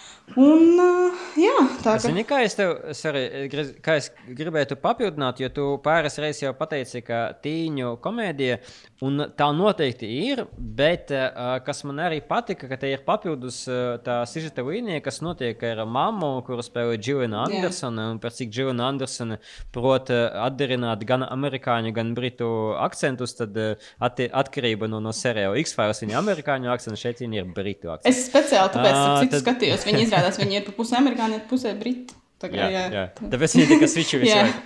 Um, bet uh, uh šajā seriālā tad, uh, ne tikai mēs uh, skatāmies uz um, teiksim, uh, seksuālās, uh, seksuālu uzvedību un seksuālām problēmām, par kurām uh, jaunieši varbūt kautreiz pateikt saviem vecākiem, un beigu, beig, beidzot viņam ir seriāls, kas uh, kaut kādos populāros uh, veidos un, un, un uh, valoda pasaka, uh, kā dzīvot ar šo situāciju. Ka tas, ka tas ir viens, bet otrs ir tas, ka tur parāda arī, ka vecāki arī ir cilvēki. Un, un, un, ka tas nav arī viendimensionāls personāžs, bet mammai arī ir savas problēmas, un mammai arī ir savas kaut kādi um, mīnusi, ne mīnusi, bet uh, flaws. Jā. Kā, kā jau pārtulkot? Trūkumi trūkumi, eh, ar kuriem viņi arī dzīvo. Līdz ar to tā, uh, sanāk, ka gandrīz vai um, tas parāda arī jauniešiem, ka, hei, varbūt tavai mammai, tavam tētim, taviem vecākiem arī kaut kā vajag palīdzēt, tāpēc ka viņi arī dzīvo ar kaut kādām problēmām. Un, un te es uzskatu, ka seriāls veido ļoti um, labvēlīgu telpu, kā apspriest šāda, te, šāda tipa intīmos jautājumus. Nu, jā, kā es uh, iepriekš jau teicu, viņš, tāds, viņš ir ļoti tāds, liekas, iejūtīgs pret visiem tiem saviem personāžiem. Ka tā, nu, ka, ka, ja tev ir kaut kāda problēma, tad tai noteikti ir kaut kāda sakne. Nu, ka tas cilvēks nav teiksim, vienkārši pēc definīcijas riebīgs. Nu, tur ir kaut kas visam tam apakšā. Vai ka viņam kaut kāda, katrai problēmai ir kaut kāds pamatojums un risinājums, un tad viņi tā amizanti un interesanti uz to skatās. Un, uh, es, uh, jā, man viņš diezgan lēni kaut kā skatās, jāatzīst, bet, uh, bet uh, tā nav obligāti slikta lieta. Un man ļoti daudz cilvēku ir teikuši, ka otrā sezona esot vēl labāk nekā pirmā. Man, man patika abas divas. Es teiktu, varbūt man pirmā drusku labāk patika, bet uh, nonetheless tur ir ļoti, ļoti um, patīkami personāži. Un, un nav sajūtas, ka otrā sezona vienkārši atkārto to, ko derēja pirmā. Līdz ar to viņi atkal ir jauns stils un, un uh, tas ir patīkami. Bet tas vienkārši, jā, tas. Es, es uzskatu, ka, ka tie temati, kur ir pacelti un kuri nekad, varbūt, mainstream komēdijas nebija pacelti, tas ir tas, kas priecē. Jo es vienkārši pavisam nesen es, uh, atcerējos um, uh, lietu par seriālu The Office, uh, ka man rīktīgi patīk, ka tāda mainstream seriāla The Office mums parādīja. Uh, pie kuras dziesmas vajag taisīt mākslīgo elpināšanu, pie Staying yeah. Alive. Un es, es tieši iedomājos, klau, bet es taču varbūt pat nezinātu stresa situācijā, pie kuras dziesmas man vajadzētu pumpēt sirdi. Bet tur tagad es atceros. Kāpēc es atceros? Tāpēc, ka amerikāņu The Office to parādīja, un, un es tagad uz mūžu to zināšu. Un tas ir vērtība tam seriālam, un uh, vērtība arī veidotājiem, kuri ielika šo faktu iekšā seriālā. Un te man patīk, ka Sex Education ir daudz tādu situāciju, kur tev vienkārši ir paskaidrots apmēram, klau, tu neesi viens Klau, tu vari ar šito nākt pie tā cilvēka un runāt par to. Tāpēc, ka tu neesi weirdo un, un, un vienkārši mēs visi esam dažādi. Un tas, ko tu saki, mm. ka veidotāji mīl savus personāžus. Tā kā tālāk, jā, tas ir tas, ko es esmu noskatījies. Desmit, desmit minūtes runājot, un tā arī neatbildējāt. Tas ir kino kūts After Dark seriāls vai nav? nav droši vien. nu, īsti laikam. Visu, ko mēs skatāmies After Dark, ir kino kūts After Dark seriāls. Jā, es, es atceros kaut ko, bet es gribu izstāstīt par divām filmām. Es viņas speciāli saliku kopā. Tas, tas ir filmas, bet viņas tematiski ļoti saistās. Tās ir uh, Apple TV Plus pagājušās nedēļas pirmizrāde The Beastie Boys Story, un tas ir viena no 24 Adama Sandlera Netflix filmām. Tas saucās Adams Sandler 100%, jeb viņa stand-ups. Vispirms jā, par Beastie Boys.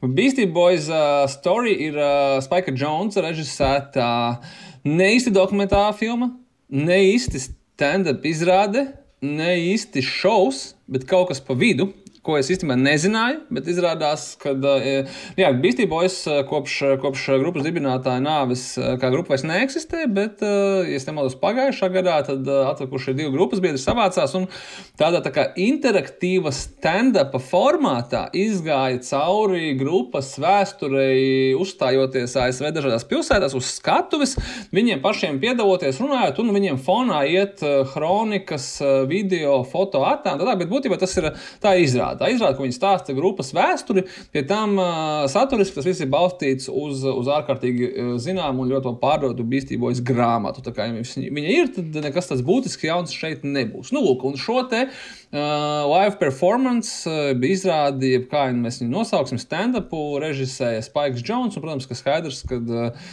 ne jau tāpat vien viņi tagad braukās apkārt pa ASV un uzstāsies uh, dažādās pilsētās. Protams, ka tas viss tiek filmēts un no tā visa tiek uztaisīta arī dokumentālā filma uh, par Beastie Boys vēsturi, kur kaut kādā ziņā diezgan ātri pusotras, viņš vairāk nekā pusotras stundas laikā viņi izskrien cauri šai grupas vēsturē. Ļoti interesanti, interesanti gan, protams, par grupu, interesanti gan tiem, kas ir uh, sekojuši bīstībojas, gan arī tie, kas varbūt nezina, nu, viņas, viņu dziesmas, ja, sabotāžu un, un body moving un intergalactic, visi ir dzirdējuši un uh, daudz arī zina no galvas. Un vēl tas man liekas ļoti forši, ka šajā filmā man šeit ir 20, 20 minūšu būperi pēc titriem, apmēram, vai 15 minūšu. Un tā, ka tas likās, ka tik forši, bet īstenībā vajag fēni, ka, to negribās, ja tā filma, filma beidzās. Un, un tāds ļoti, ļoti patīkams. Es teikšu, šeit uzreiz iedomājos, ka tas būtu bijis beigas krūtais seans, ja būtu bijis kinoteātrī, tāpēc, kad būtu atnākuši praktiski tikai bīstībojas fani un būtu super atmosfēra, tas būtu tas, tas precīzi produkts tikai tiem, kas grib tur būt un grib tur atrasties. Bet, bet jā, bet jūs būtu tikai pieci cilvēki. Nē, nē, tas ir tur nesaprot, par ko tur runā. Viņi ļoti, viņi ļoti, ļoti, liela grupa. Uh, un tā, un, uh, un otrs Bet, uh, es jā. ātri atceros, tu minēji vienkārši, ka filmā ir blūperi beigās. Tas man atgādināja, ka viens no visdīvainākajiem gadījumiem dzīvē, kad filmai ir blūperi beigās, ko es atceros, ir Netflix filma Death Note, kurai ir blūperi beigās. Jā, es nezinu, kāpēc, bet viņi tur ir. Un tas bija, tā filma ir ļoti, ļoti slikta. Viņu nevajag skatīties, bet var nostīties blūpers, jo es nezinu, kāpēc šai tumšajai drūmajai un uh, savādai filmai. beigās ir Es labāk blooperi. tad ieteiktu noskatīties uh, filmu Death Sentence. Uh, Bez blooperiem. tur nav blūperu, bet tur tā ir spraigais tāds trilerīts. Man nosīties to un nezinu Nu, un, uh, un uh, jā, pārstāvoties uz vēl vienu koncertu filmu, kā beigās izrādās, ka, jā, kad kad mums bija pauses, mēs vēl likām uh, smieklīgais, cik daudz Adama Sandora filmas ir Netflix, 24. Jā. Uh, tad uh, es domāju, ka jānoskatās, tas viņa vienīgais stand-ups, par kuru Netflix viņam samaksāja 20 miljonus. Un, un uh, patiesībā tas stand-ups ir ārkārtīgi interesants. Tur ir ļoti daudz rupju joku, bet tādu, kas ir uh, Adama Sandora Happy Gilmore stila rupju joku. Tādi, kas ir na- naivi, naivi, bet jēli, bet smieklīgi. Tad, tad, tad, na, savā, viņi jēli savā naivumā, bet viņi īstenībā smieklīgi, jo viņi īstenībā nav ofensīvi. Tas ir viens, un otrs, kad uh, apmēram puse no šīs stand-upa sastāv Adama Sandora dziedāšana un ģitāras spēlēšana. Nu, tā kā viņš, dzie, viņš, viņš, viņš kaut ko dzied, uh, rīmēs, jeb stāsta, un, uh, un tas ir ārkārtīgi smieklīgi. Un, uh, manuprāt, uh, jānoskatās ir katram, kurš, uh, kurš ir uh, skatās Adama Sandora filmas Netflixā, tad noskaties, vismaz dodiet viņam iespēju ar to viņa stand-upu. O, Nevis, nevis tikai ar tām viņa filmām, jo šis noteikti ir daudz labāks nekā lielākā daļa viņa filmu, kas ir atrodami Netflix. Tā, kā tā arī ir. Un, uh, un pārsteidzoši muzikāli. Nu, kāpēc, kāpēc tā? To man ir grūti pateikt.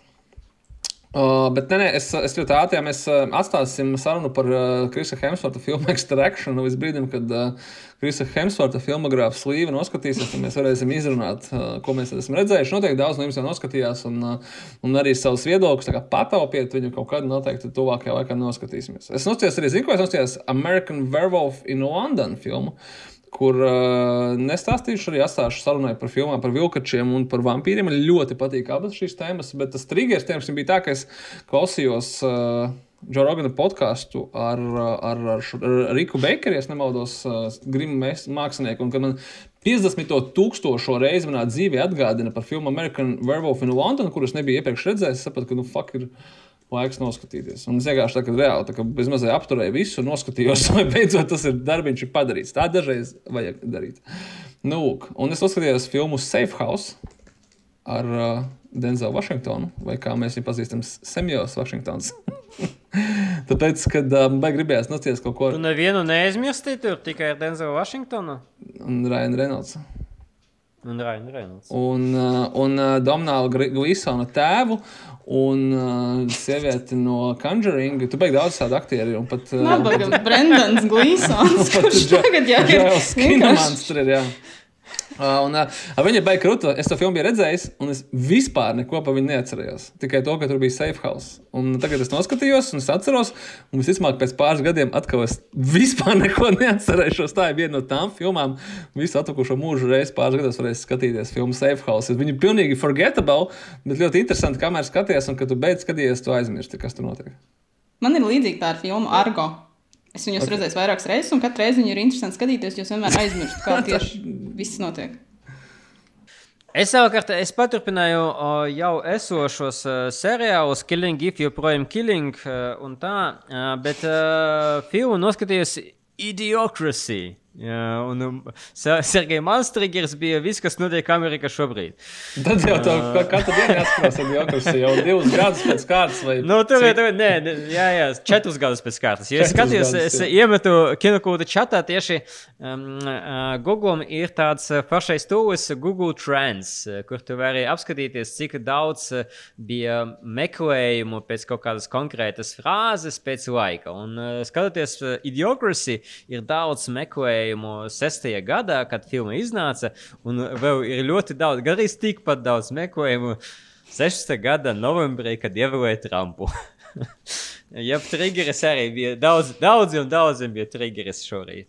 Um, un Idiocracy, ja kāds uh, nezina, ir Maika Džada filma. Maiks Džads ir pazīstams kā uh, veidotais uh, animācijas sērijā un Beavis and Butthead, kā arī uh, satiriskai filmai Office Space 99. gada.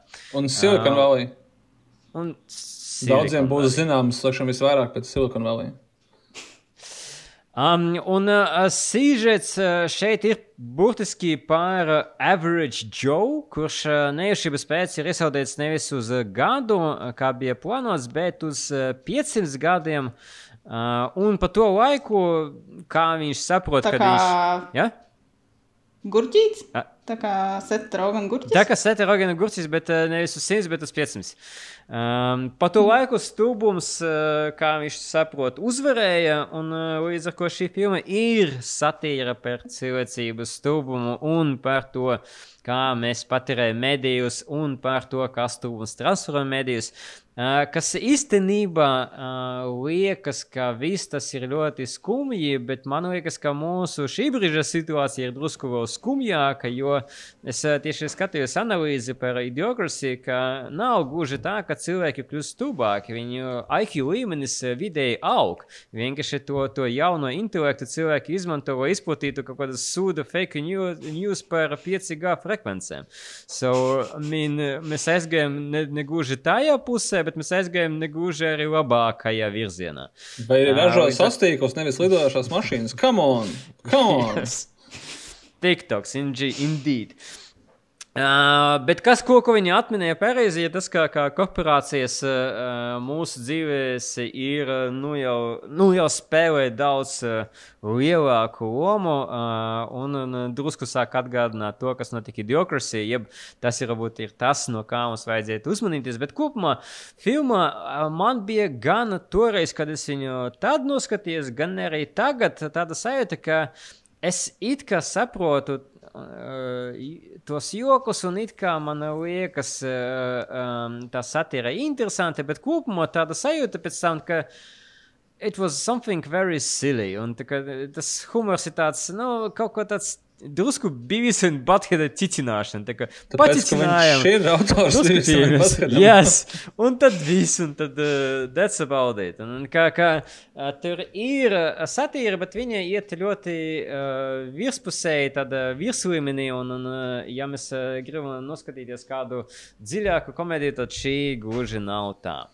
Bet man šeit, ka tur uh, baigi presēja džadžu, tur filmējot. Tā ir Fox uh, filma. Tas, Tā arī, to arī negribēju aizsākotnēji. Jā, bet es viņu kā- baigi močīja par scenāriju, par to, ko var. Es domāju, ka tas, es nedomāju, ka tas būtu kaut ko, nu, ka tur bija iekšā stipri dziļāka un gudrāka filma, bet es domāju, ka scenārija līmenī noteikti bija uh, daudz uh, ļaunāka un asāka tā satīra un vienkārši viņu cenzēja, nu, tā kā jau scenārija līmenī, ka šitais nebūs, nebūs aršana. Nu, mēs jau vienkārši aprakstām, jā, kā kāda filma sanāca savu maiku. Vēl, nē, es ne- zinu, ka varbūt tagad, ja mēs, ja Maiks eh, Džāds eh, izdomātu filmēt Diocracy 2 un eh, aizietu pie Netflix, iespējams, ka viņam būtu brīvākas rokas un mēs redzētu to satīru. Nu, stiprāku. Un, Nu, jo, ja kā, jo dziļāku, office, jā, space ne? viņam sanāca par, par, par office dzīvi kā ļoti precīzi un stipri un, un sāpīgi. Un Silicon Valley uh, par visu Silvijas ielai un entrepreneur kultūru viņam sanāca ļoti precīzi un veiksmīgi. Līdz ar to man vienkārši tāds sajūta, ka šeit arī varēja sanākt uh, veiksmīgāk, ja viņam būtu atvērts, a- atraisītas rokas. Un te mēs arī atnācām pie mūsu jaunas uh, rubrikas, uh, kura saucas uh, Watchlistes Terminators. Un mēs atļausim mūsu montāžas operatoram Tomam ielikt tum tum tum uh, Terminatora skaņas šeit.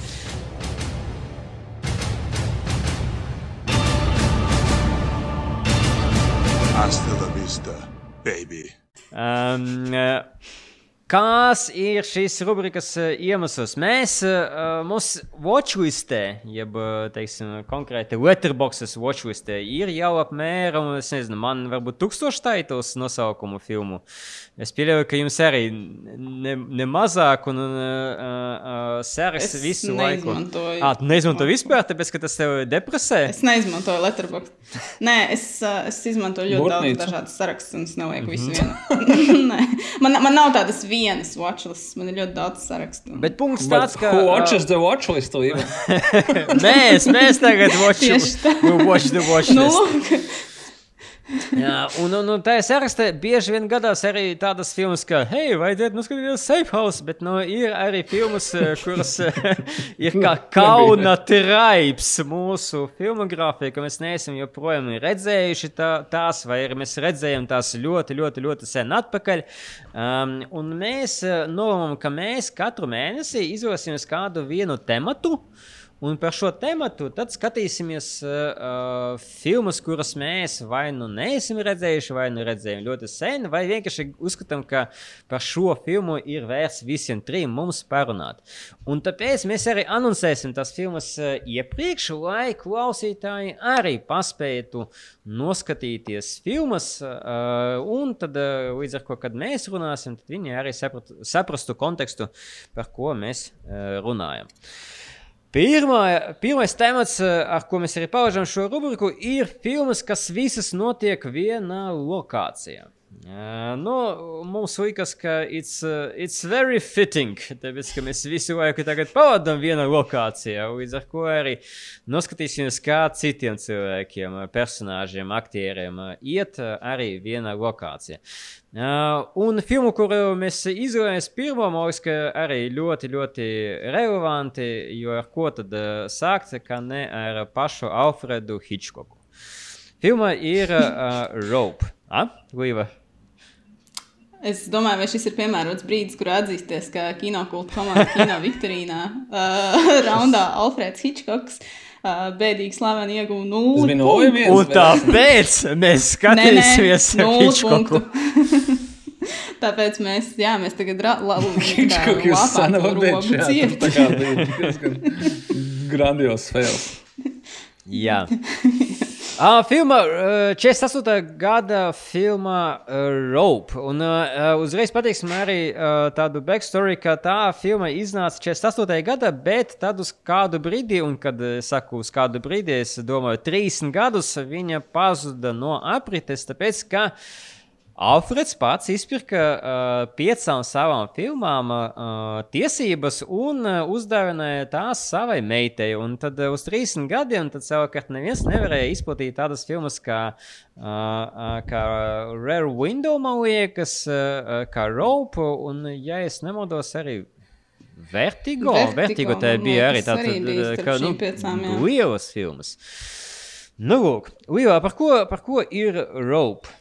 Uh, Rope, uh, kas, kā jau Hitchcockam piestāv, ir uh, tāds psiholoģisks thrillers. Uh, tā filma stāsta par diviem jauniešiem, Brendanu un Filipu, kuri pašā, pašā filmas sākumā, tā ka neuztraucieties, tas nav spoilers, uh, nožņaudz ar virvi uh, savu trešo draugu un paslēp viņa līķi kastē. Uh, Bet tā kā šie divi draugi ir drusku sociopāti, viņi nevis tikai nogalina savu draugu, bet viņi arī uh, uztaisa ballīti uzreiz pēc tam, kur viņi ir ielūguši savā mirušā biedra vecākus, uh, draugus un uh, arī Līgavu.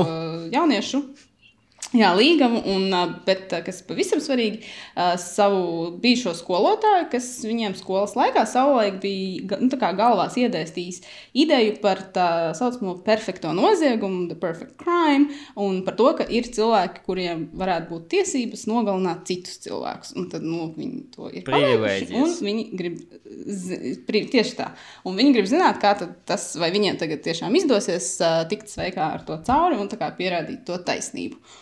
Un tad, eh, jā, un tad mēs vērojam, kā šī visnotaļ nejasтрā ballīte eh, viņiem eh, izdevās. Tāds ir tas būtībā filmas Un uh, filma ir balstīta uz uh, 99. gada lūgas. Uh, pats Hitchcocks arī šo lūgu ieraudzīja reiz uh, uz BBC, kā tiešraidi. Viņam ir rīktīgi patika, ka tas viss notiek tad, uh, vienā laika posmā, uh, vienā no, laika nogriezienī. Uh, viņš saka, pratot, kā viņš varētu šo um, formātu attīstīt arī filmā. Uh, tā arī radās viņam ideja par to, ka visas filmas darbība ir filmēta tā, it kā tas būtu one shot, kaut arī uh, ir skaidrs, ka viņš uh, filmēja ik pēc desmit minūtēm un grieza, bet uh, tas, ko mēs redzējām, ka viņš mēģināja atrast kaut kādus paņēmienus, ka, teiksim, paslēpties ar personāža muguras un tieši tajā brīdī nogriezt, tā teikt, invisible cut. Līdz ar to viņi uzbūvēja milzīgus kaut kādus ļoti sarežģītus dekorācijas, kuras sienas varēja pārvietot, lai kameras varētu kustēties no vienas istabas uz otru istabu. Un katrai kamerai bija uz grīdas arī uzzemēti cipariņi, kur tad konkrēti sadzirdot, ka personāžs Brendons pasaka frāzi, tad uh, operators zina, ka viņam tagad vajag pārvietoties uz numuru divi vai numuru trīs. Nu, un, uh, te bija kaut kādi interesanti stāsti arī, kur var pausīt pie MDB trivija, ka uh, vienam cilvēkam uz, uh, ka par cik tas process bija tik ļoti sarežģīts un atstrādāts, uh, tad uh, neviens uh, neatļāvās uh, iepauzēt uh, filmēšanu, ja nu kaut kas notiek un, un kaut kas bija noticis, ka, teiksim, vienam cilvēkam pārbrauca pāri kājai uh, visas, visas kameras uh, aprīkojums, un uh, tā, lai neapturētu viņu, sažņau, viņu sažņaudzu un aizvāca no, no filmēšanas laukuma. Ļoti Hitchcockīgi. Uh, un tas esot filmā. Hitchcock pats, jā.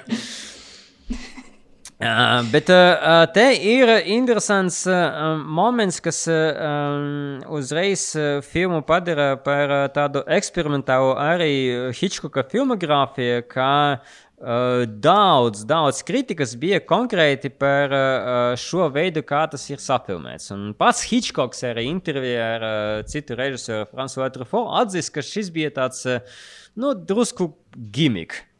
Kā viņš teica. Un, un viņam pārmeta, ka tas ir vienkārši izveidots, nu, nu vat, es nezinu, kā mēs droši vien komentējam par 3D, tā kā izveidots izveidošanas pēc.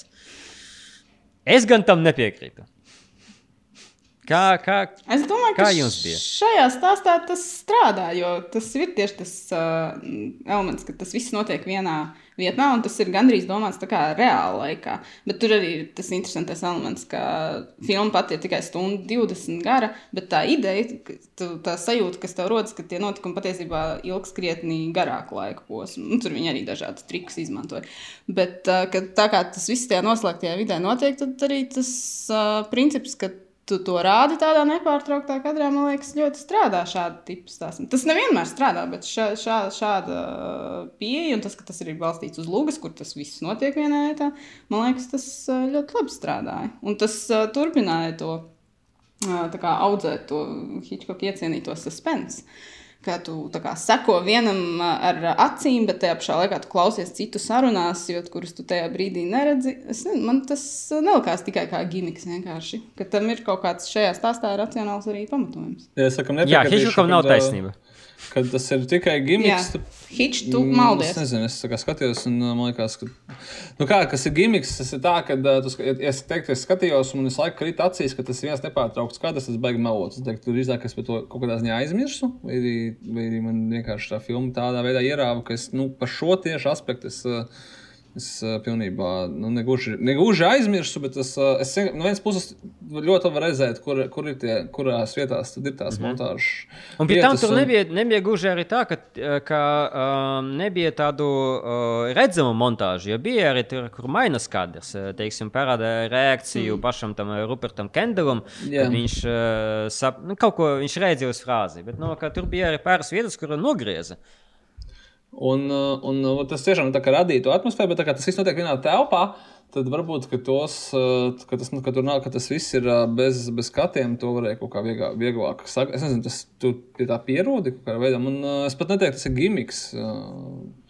Jā, es Mēs nepiekritam Hitchcockam, tas es... noteikti tā ir. Ne, viņš, nu kā, viņš izdomāja pats, ka tas tā būs, un tad viņam kāds uzspieda, ka tas ir gimiks. Viņš tā, nu jā, nu gimiks, nu nē, nu nav, nu forši. Forši, ka tā izdomāja. Nu, tas skaidrs, ka gan jau iztērē baigi daudz resursu, lai to visu realizētu. Tā, Arī, es, cik es lasīju, James Stewarts galvenās lomas atveidoties arī esot bijis tāds, nu, tāds nevisai baigi lielā sajūsmā par to, ka šī filma tika šādi uzņemta. Nu, ka to varēja, kā viņš domāja, normāli taisīt. Nevis obligāti. Te bija, teiksim, Rodžeram Ibertam bija komentārs par to, ka uh, viss ir ļoti feini. Bet, ja Hitchcocks izmantotu savā arsenālā esošos uh, kino valodas instrumentus un, un montāžu, ko viņš ir pirms tam iemācījies, tad būtu vēl labāk. Uh, un, un ka, ka tas uh, one shot īpaši nav vajadzīgs. Es vienalga tam pat, es pat Rodžeram nepiekrītu. Man liekas, Nē, man liekas ka te ir. Uh, ja skatīties konkrēti uz, uz to one shot, tad ir divi punkti. Viens ir tas, ka mēs uh, dēļ tā, ka tas ir uh, tāda apmēram viena kadra uzfilmēts un uh, nav uh, lekšanas uh, laikā, ka tas viss ir tā kā plūstošs, tad tas viss ir tad, tā teikt filmēts laivā. Uh, tad mēs vienmēr zinām, kas notiek ar to lādi, ar to, to, to uh, crest, uh, kasti, kur paslēpts, kur paslēpts ķermenis. Tas, tas ķermenis gandrīz vienmēr katrā kadrā ir mūsu acu priekšā, un viena kadrā, viena aina, tas ir īpaši labi atainots, kur dialogi notiek kaut kur fonā, bet mūsu close-up ir uz, uz tās kastes, un mēs redzam, ka Um, tā, tā, tā kundze, apkopošanas kundze, um, lēni novilka sākumā, uh, tas sveces novilka, tad dedienu novilka, tad novilka uh, to, to gaudautu. Un mēs tā kā klausāmies, tagad divas, jūs tur viss atklās. Bet mēs to skatāmies vienkārši no viena rakursa. Man liekas, ka tas efekts sasniegs tikai konkrēti tādēļ, ka, tā, ka tas ir one shot, ka būtu daudz grūtāk to efektu sasniegt. Man liekas, ja viņš vienkārši pirms tam nogrieztu to kadru un radītu visu laiku kasti.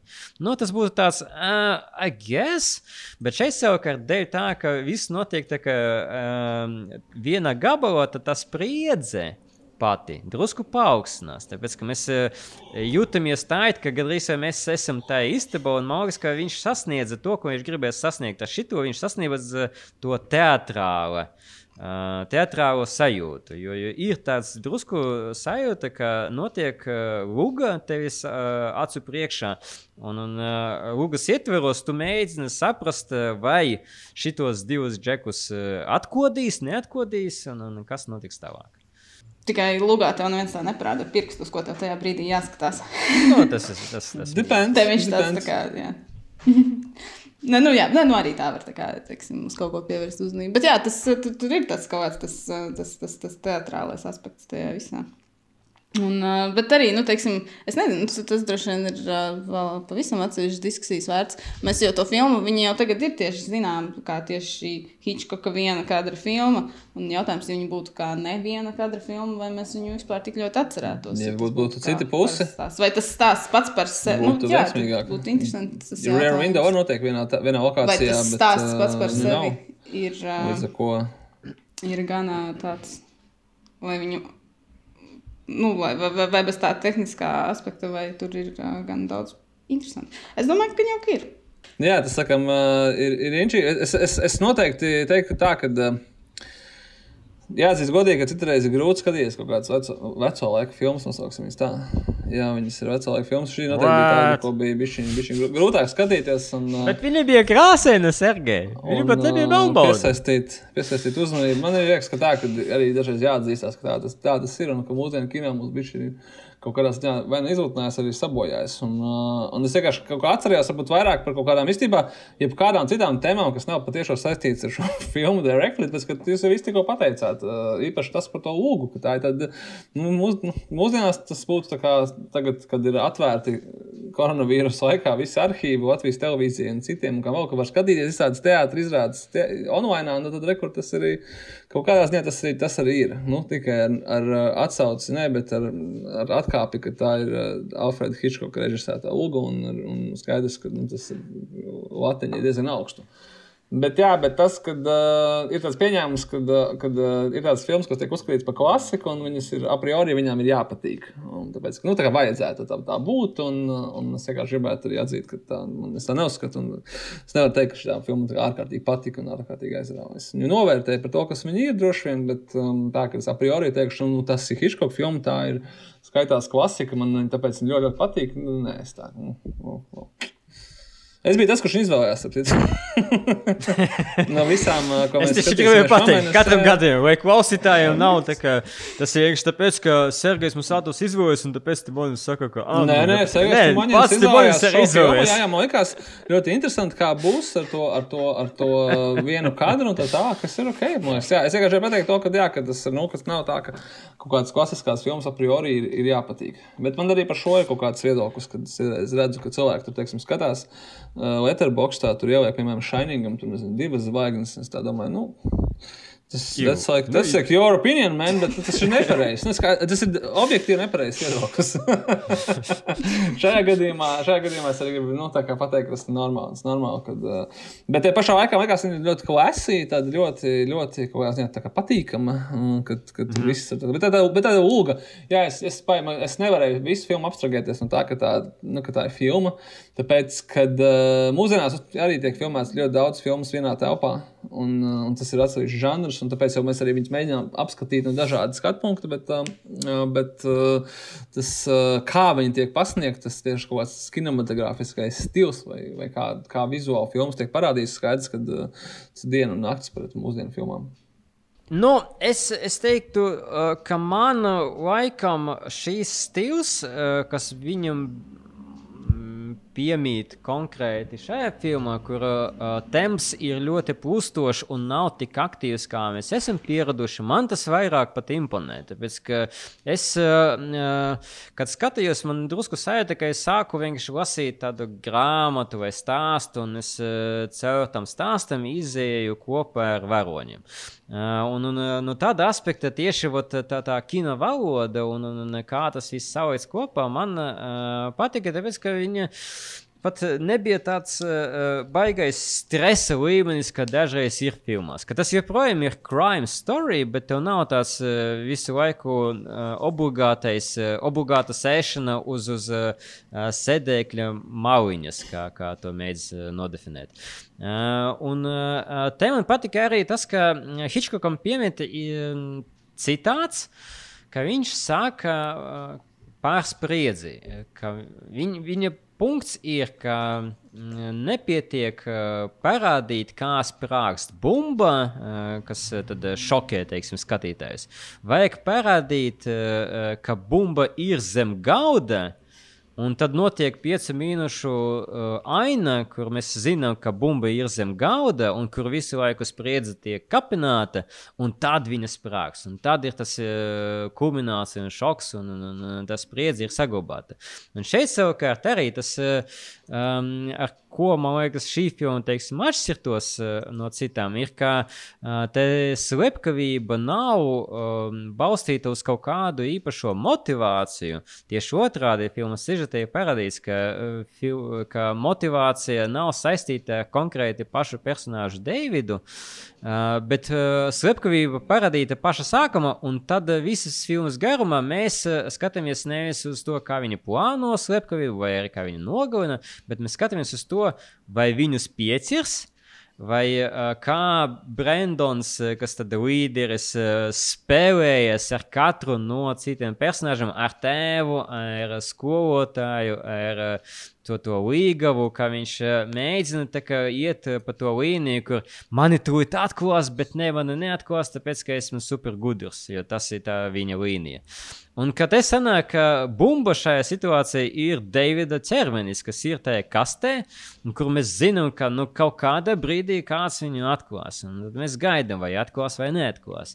Un kā tas tieši rezultēsies arī ar pašu skolotāju, kuru spēlē James Stewarts. Kurš, starp citu, spēlēja uh, pirmoreiz Hitchcocka filmā, un tad viņam izveidojas ļoti veiksmīga sadarbība, kaut arī šī konkrēta filma uh, viņam uh, nepatika. Vienīgā no, no uh, visām filmām, kuras viņš safilmēja kopā ar Hitchcocku.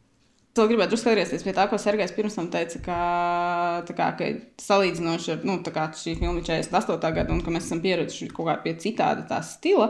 Bet, teiksim, tieši šī viena kadra ziņā, es nezinu, es teiksim, skatījos un es domāju par to pašu Birdman, kas man liekas, izmantoja diezgan līdzīgs paņēmiens tādā nu, kur tos skats parādīt, ka viņš tur uz debesīm aizbrauc kamera un tad atbrauc atpakaļ. Tad, nu, tu zini, ka tur jau ir, ir eh, bijis tas skats, un ka tas ir mainījies. Un ka tādā ziņā kaut kas eh, šeit jau arī tas pats, tie kadri ar tām mugurām, ar uzvalkiem, kur tu zini, ka šajā brīdī ir bijusi tā mm. kadra maiņa.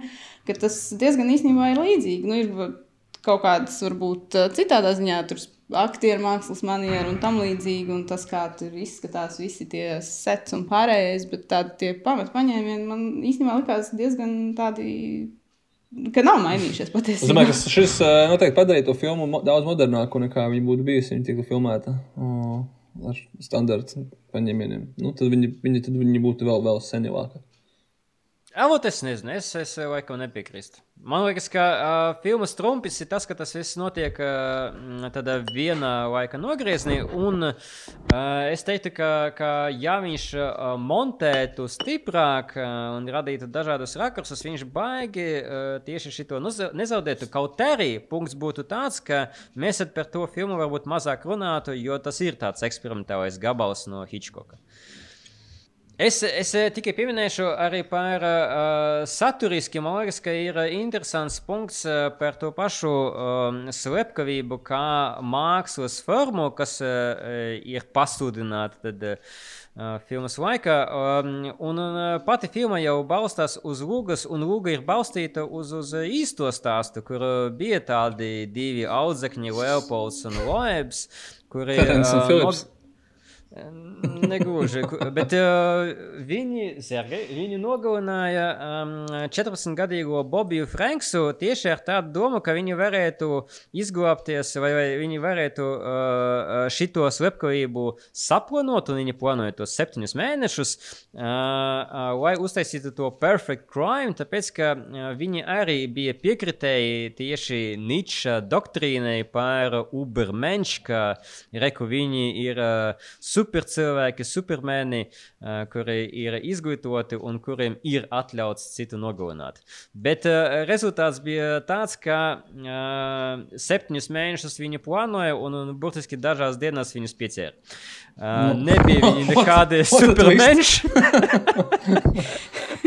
Viņi ko paši izstāstīja, vai kas notika? Tur, man liekas, bieži vien. Nē, tur, tur bija saistīts ar kļūdām, tur viens pazaudēja brīvos. Īsi, īstenībā tas vienkārši ir gluži arī tas pats arī ar šito filmu, kur tu skaties, un, un tu redzi, kā tur Brendans, tas līderis, mēģina spēlēties, kas man starp citu atgādināja Džonu Sena pēc sejas. Um, kur viņš mēģina ot, izlavīties un spēlēties ar uguni un iedot kaut kādu hintu, ka varbūt viņš nogalināja. Reku ir es, smieklīgs pan.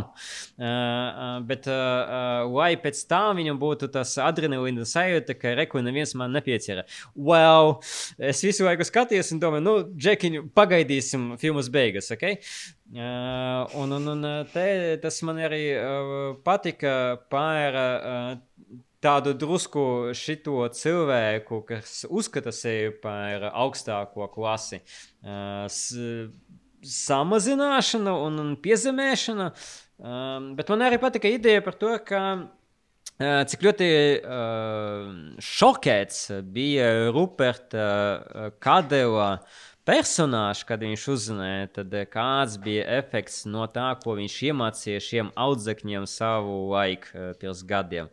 Un, un, eh, tas ir tas izglītības efekts. Tu iedod viņam kaut kādus tos domu graudus, izstāsti par perfect crime, izstāsti par Nietzsche, un tad gadus vēlāk viņi nogalina savu biedru. Wow! Varbūt tad vajadzētu domāt tādu precīzāk, ko tu gribi stāstīt saviem audzekņiem un ko tu negribi stāstīt. Ruperts būtu tā kā totāli tāds, kurš atbalstītu purge. Teorijā, bet tad apvainotos, es, es, es biju domājis, viņa kā, uz mājām. viņš min vienu brīdi, um, kaut kas tā kā uh, viena nedēļa, kuras laikā tu vari darīt jau es purge, jā! Jep. Bet uh, tur ir, uh, man liekas, tāda, nu, tāda tematiski interesanta sasaucas ar mūsdienām arī un ar tādiem baltādainiem puisīšiem, kuri domā, ka viņi ir krutāki par visu pasauli un līdz ar to viņiem ir tiesības uh, nogalināt un tam līdzīgi. Tur uh, nav tā, ka tā filma būtu kaut kādā tematiskā ziņā beigta Jā, tematiski viņa ir on point. Jā. Tas, ko tu man ie- ie- ieliki tagad galvā, ir nezinu, kāpēc es pieķēros precīzi vienam vārdam. Tas ir Džons Sīna.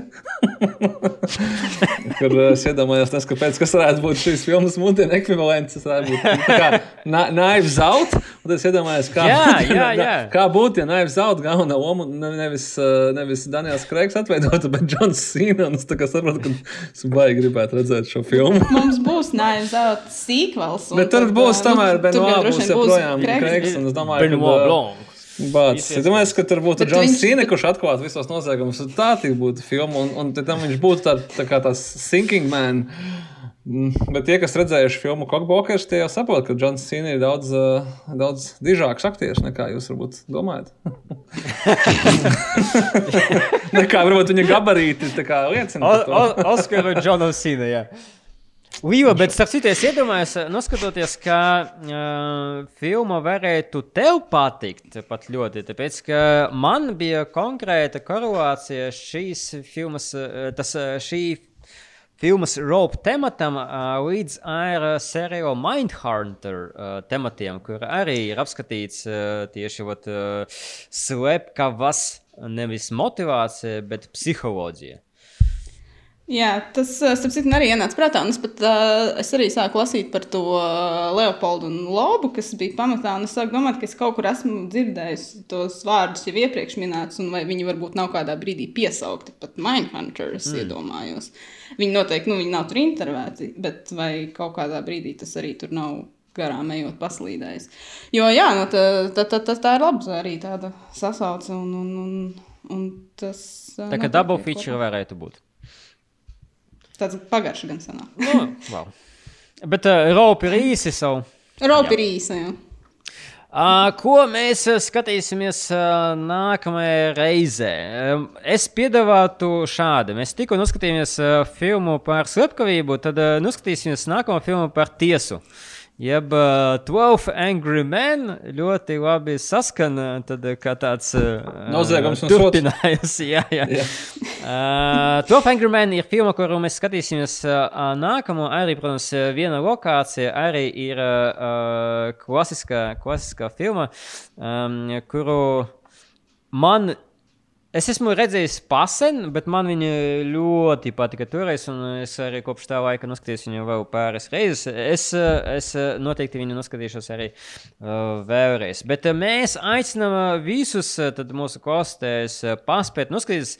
Paldies, kā par cik arī filmas, gan Robu, gan 12 Angry Men ir gana īsas, tad var mierīgi arī paspēt uh, pa nedēļu noskatīties. Un tad, kad mēs runāsim par to filmu, tad jūs arī sapratīsiet visas detaļas, kuras mēs apspriedīsim.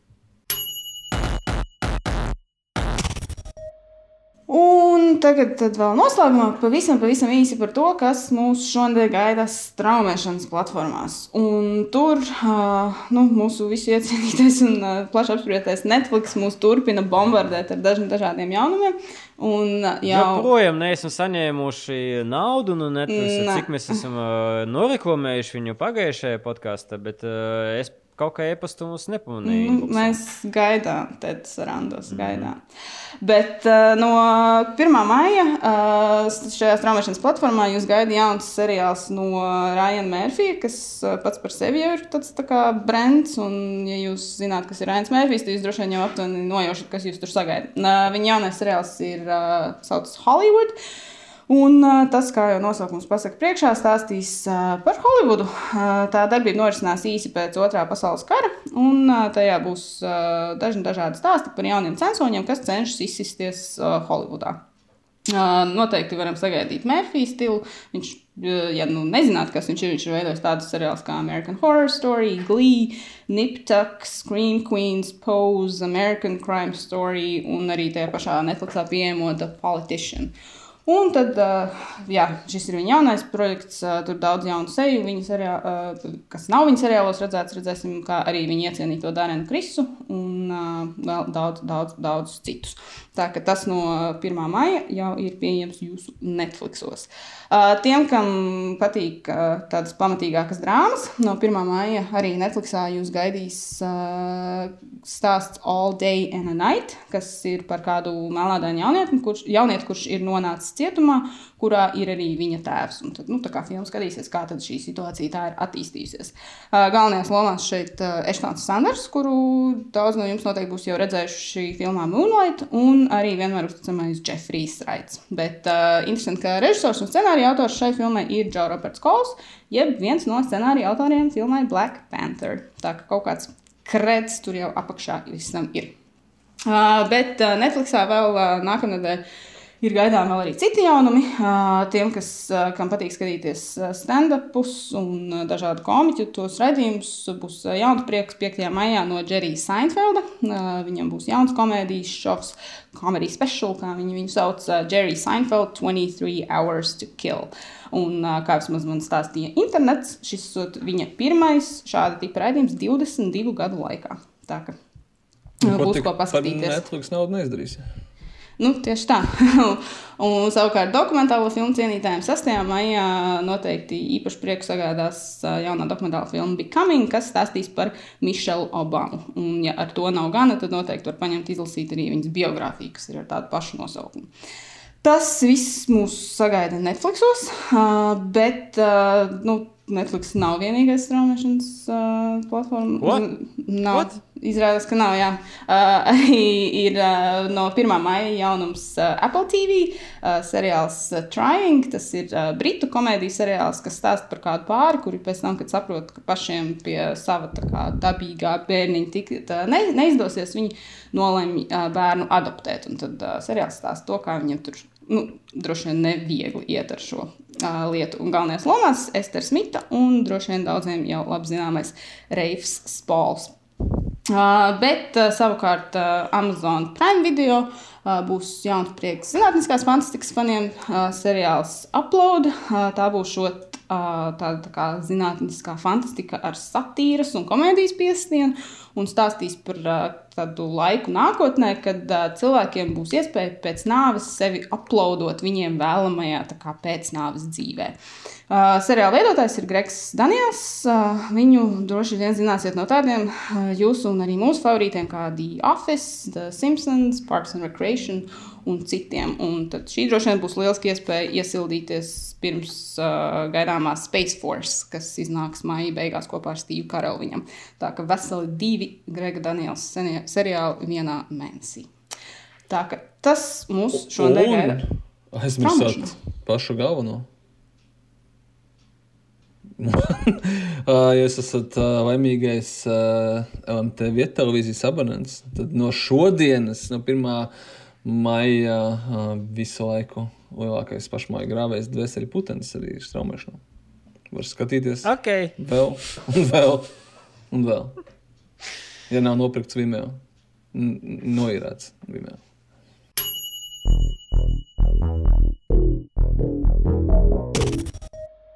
Tas būtu arī uh, viss šajā raidījumā. Tiksimies uh, nākamā nedēļa, bet tikmēr uh, klausieties podkāstu var uh, visas populārās aplikācijas, uh, Apple podkāsts, Spotify, Overcast. Mēs jūs uh, palūgtu, ja ir iespēja, ja jūs tevat telefonu tagad rokas ielieciet tas zvaigznes piecas tā. Ko nozīmē, ja ir, mēs, ja ir, iespēja, ir iespēja? Tas ir jādara. Tas... iespēja ir, iespēja viena. Mēs esam pārbaudījuši tātad uh, statistika sekojuši. Mēs esam uh, 3. vietā podkāstu uh, reitinga uz Apple podkāstu, un mūsu mērķis būtu 27. vietā. So, liekam tas zvaigznes, lai mēs nokļūtu uh, uz, uz to vēlamo 27. Kā vai ne? Teica Ozols, uh, jā, telefonu rokās un bojas pa pogām. Viss, viss ir skaidrs. Bet ja nav pogu? Tu pa ekrānu. Ozols to teica ļoti sen. Tā ir metāfora, uh, saprotiet, nevajag to burtiski saprast. Bet, ja tas nav iespējams, jums nav pirkstiņu, nav pogu, uh, tad noteikti varat atstāt arī uh, komentārus vai, vai audio komentārus, ja nav pirkstiņu, nav pogu. Uh, bet mums ļoti patīkami dzirdēt uh, jūsu atsauksmes, kas jums patīk, kas jums nepatīk. Uh, tas dod papildus uh, arī enerģiju taisīt šos uh, podkastus. Tiekamies uh, sastīkos, gaidām jūsu jautājumus uz uh, hello.kinokūts.clv. Uh, šo raidījumu montē Toms Cielens un no Kinokūta komandas uh, vēlamies pateikt jums paldies par uzmanību un līdz nākamajai reizei. Čau! Čau!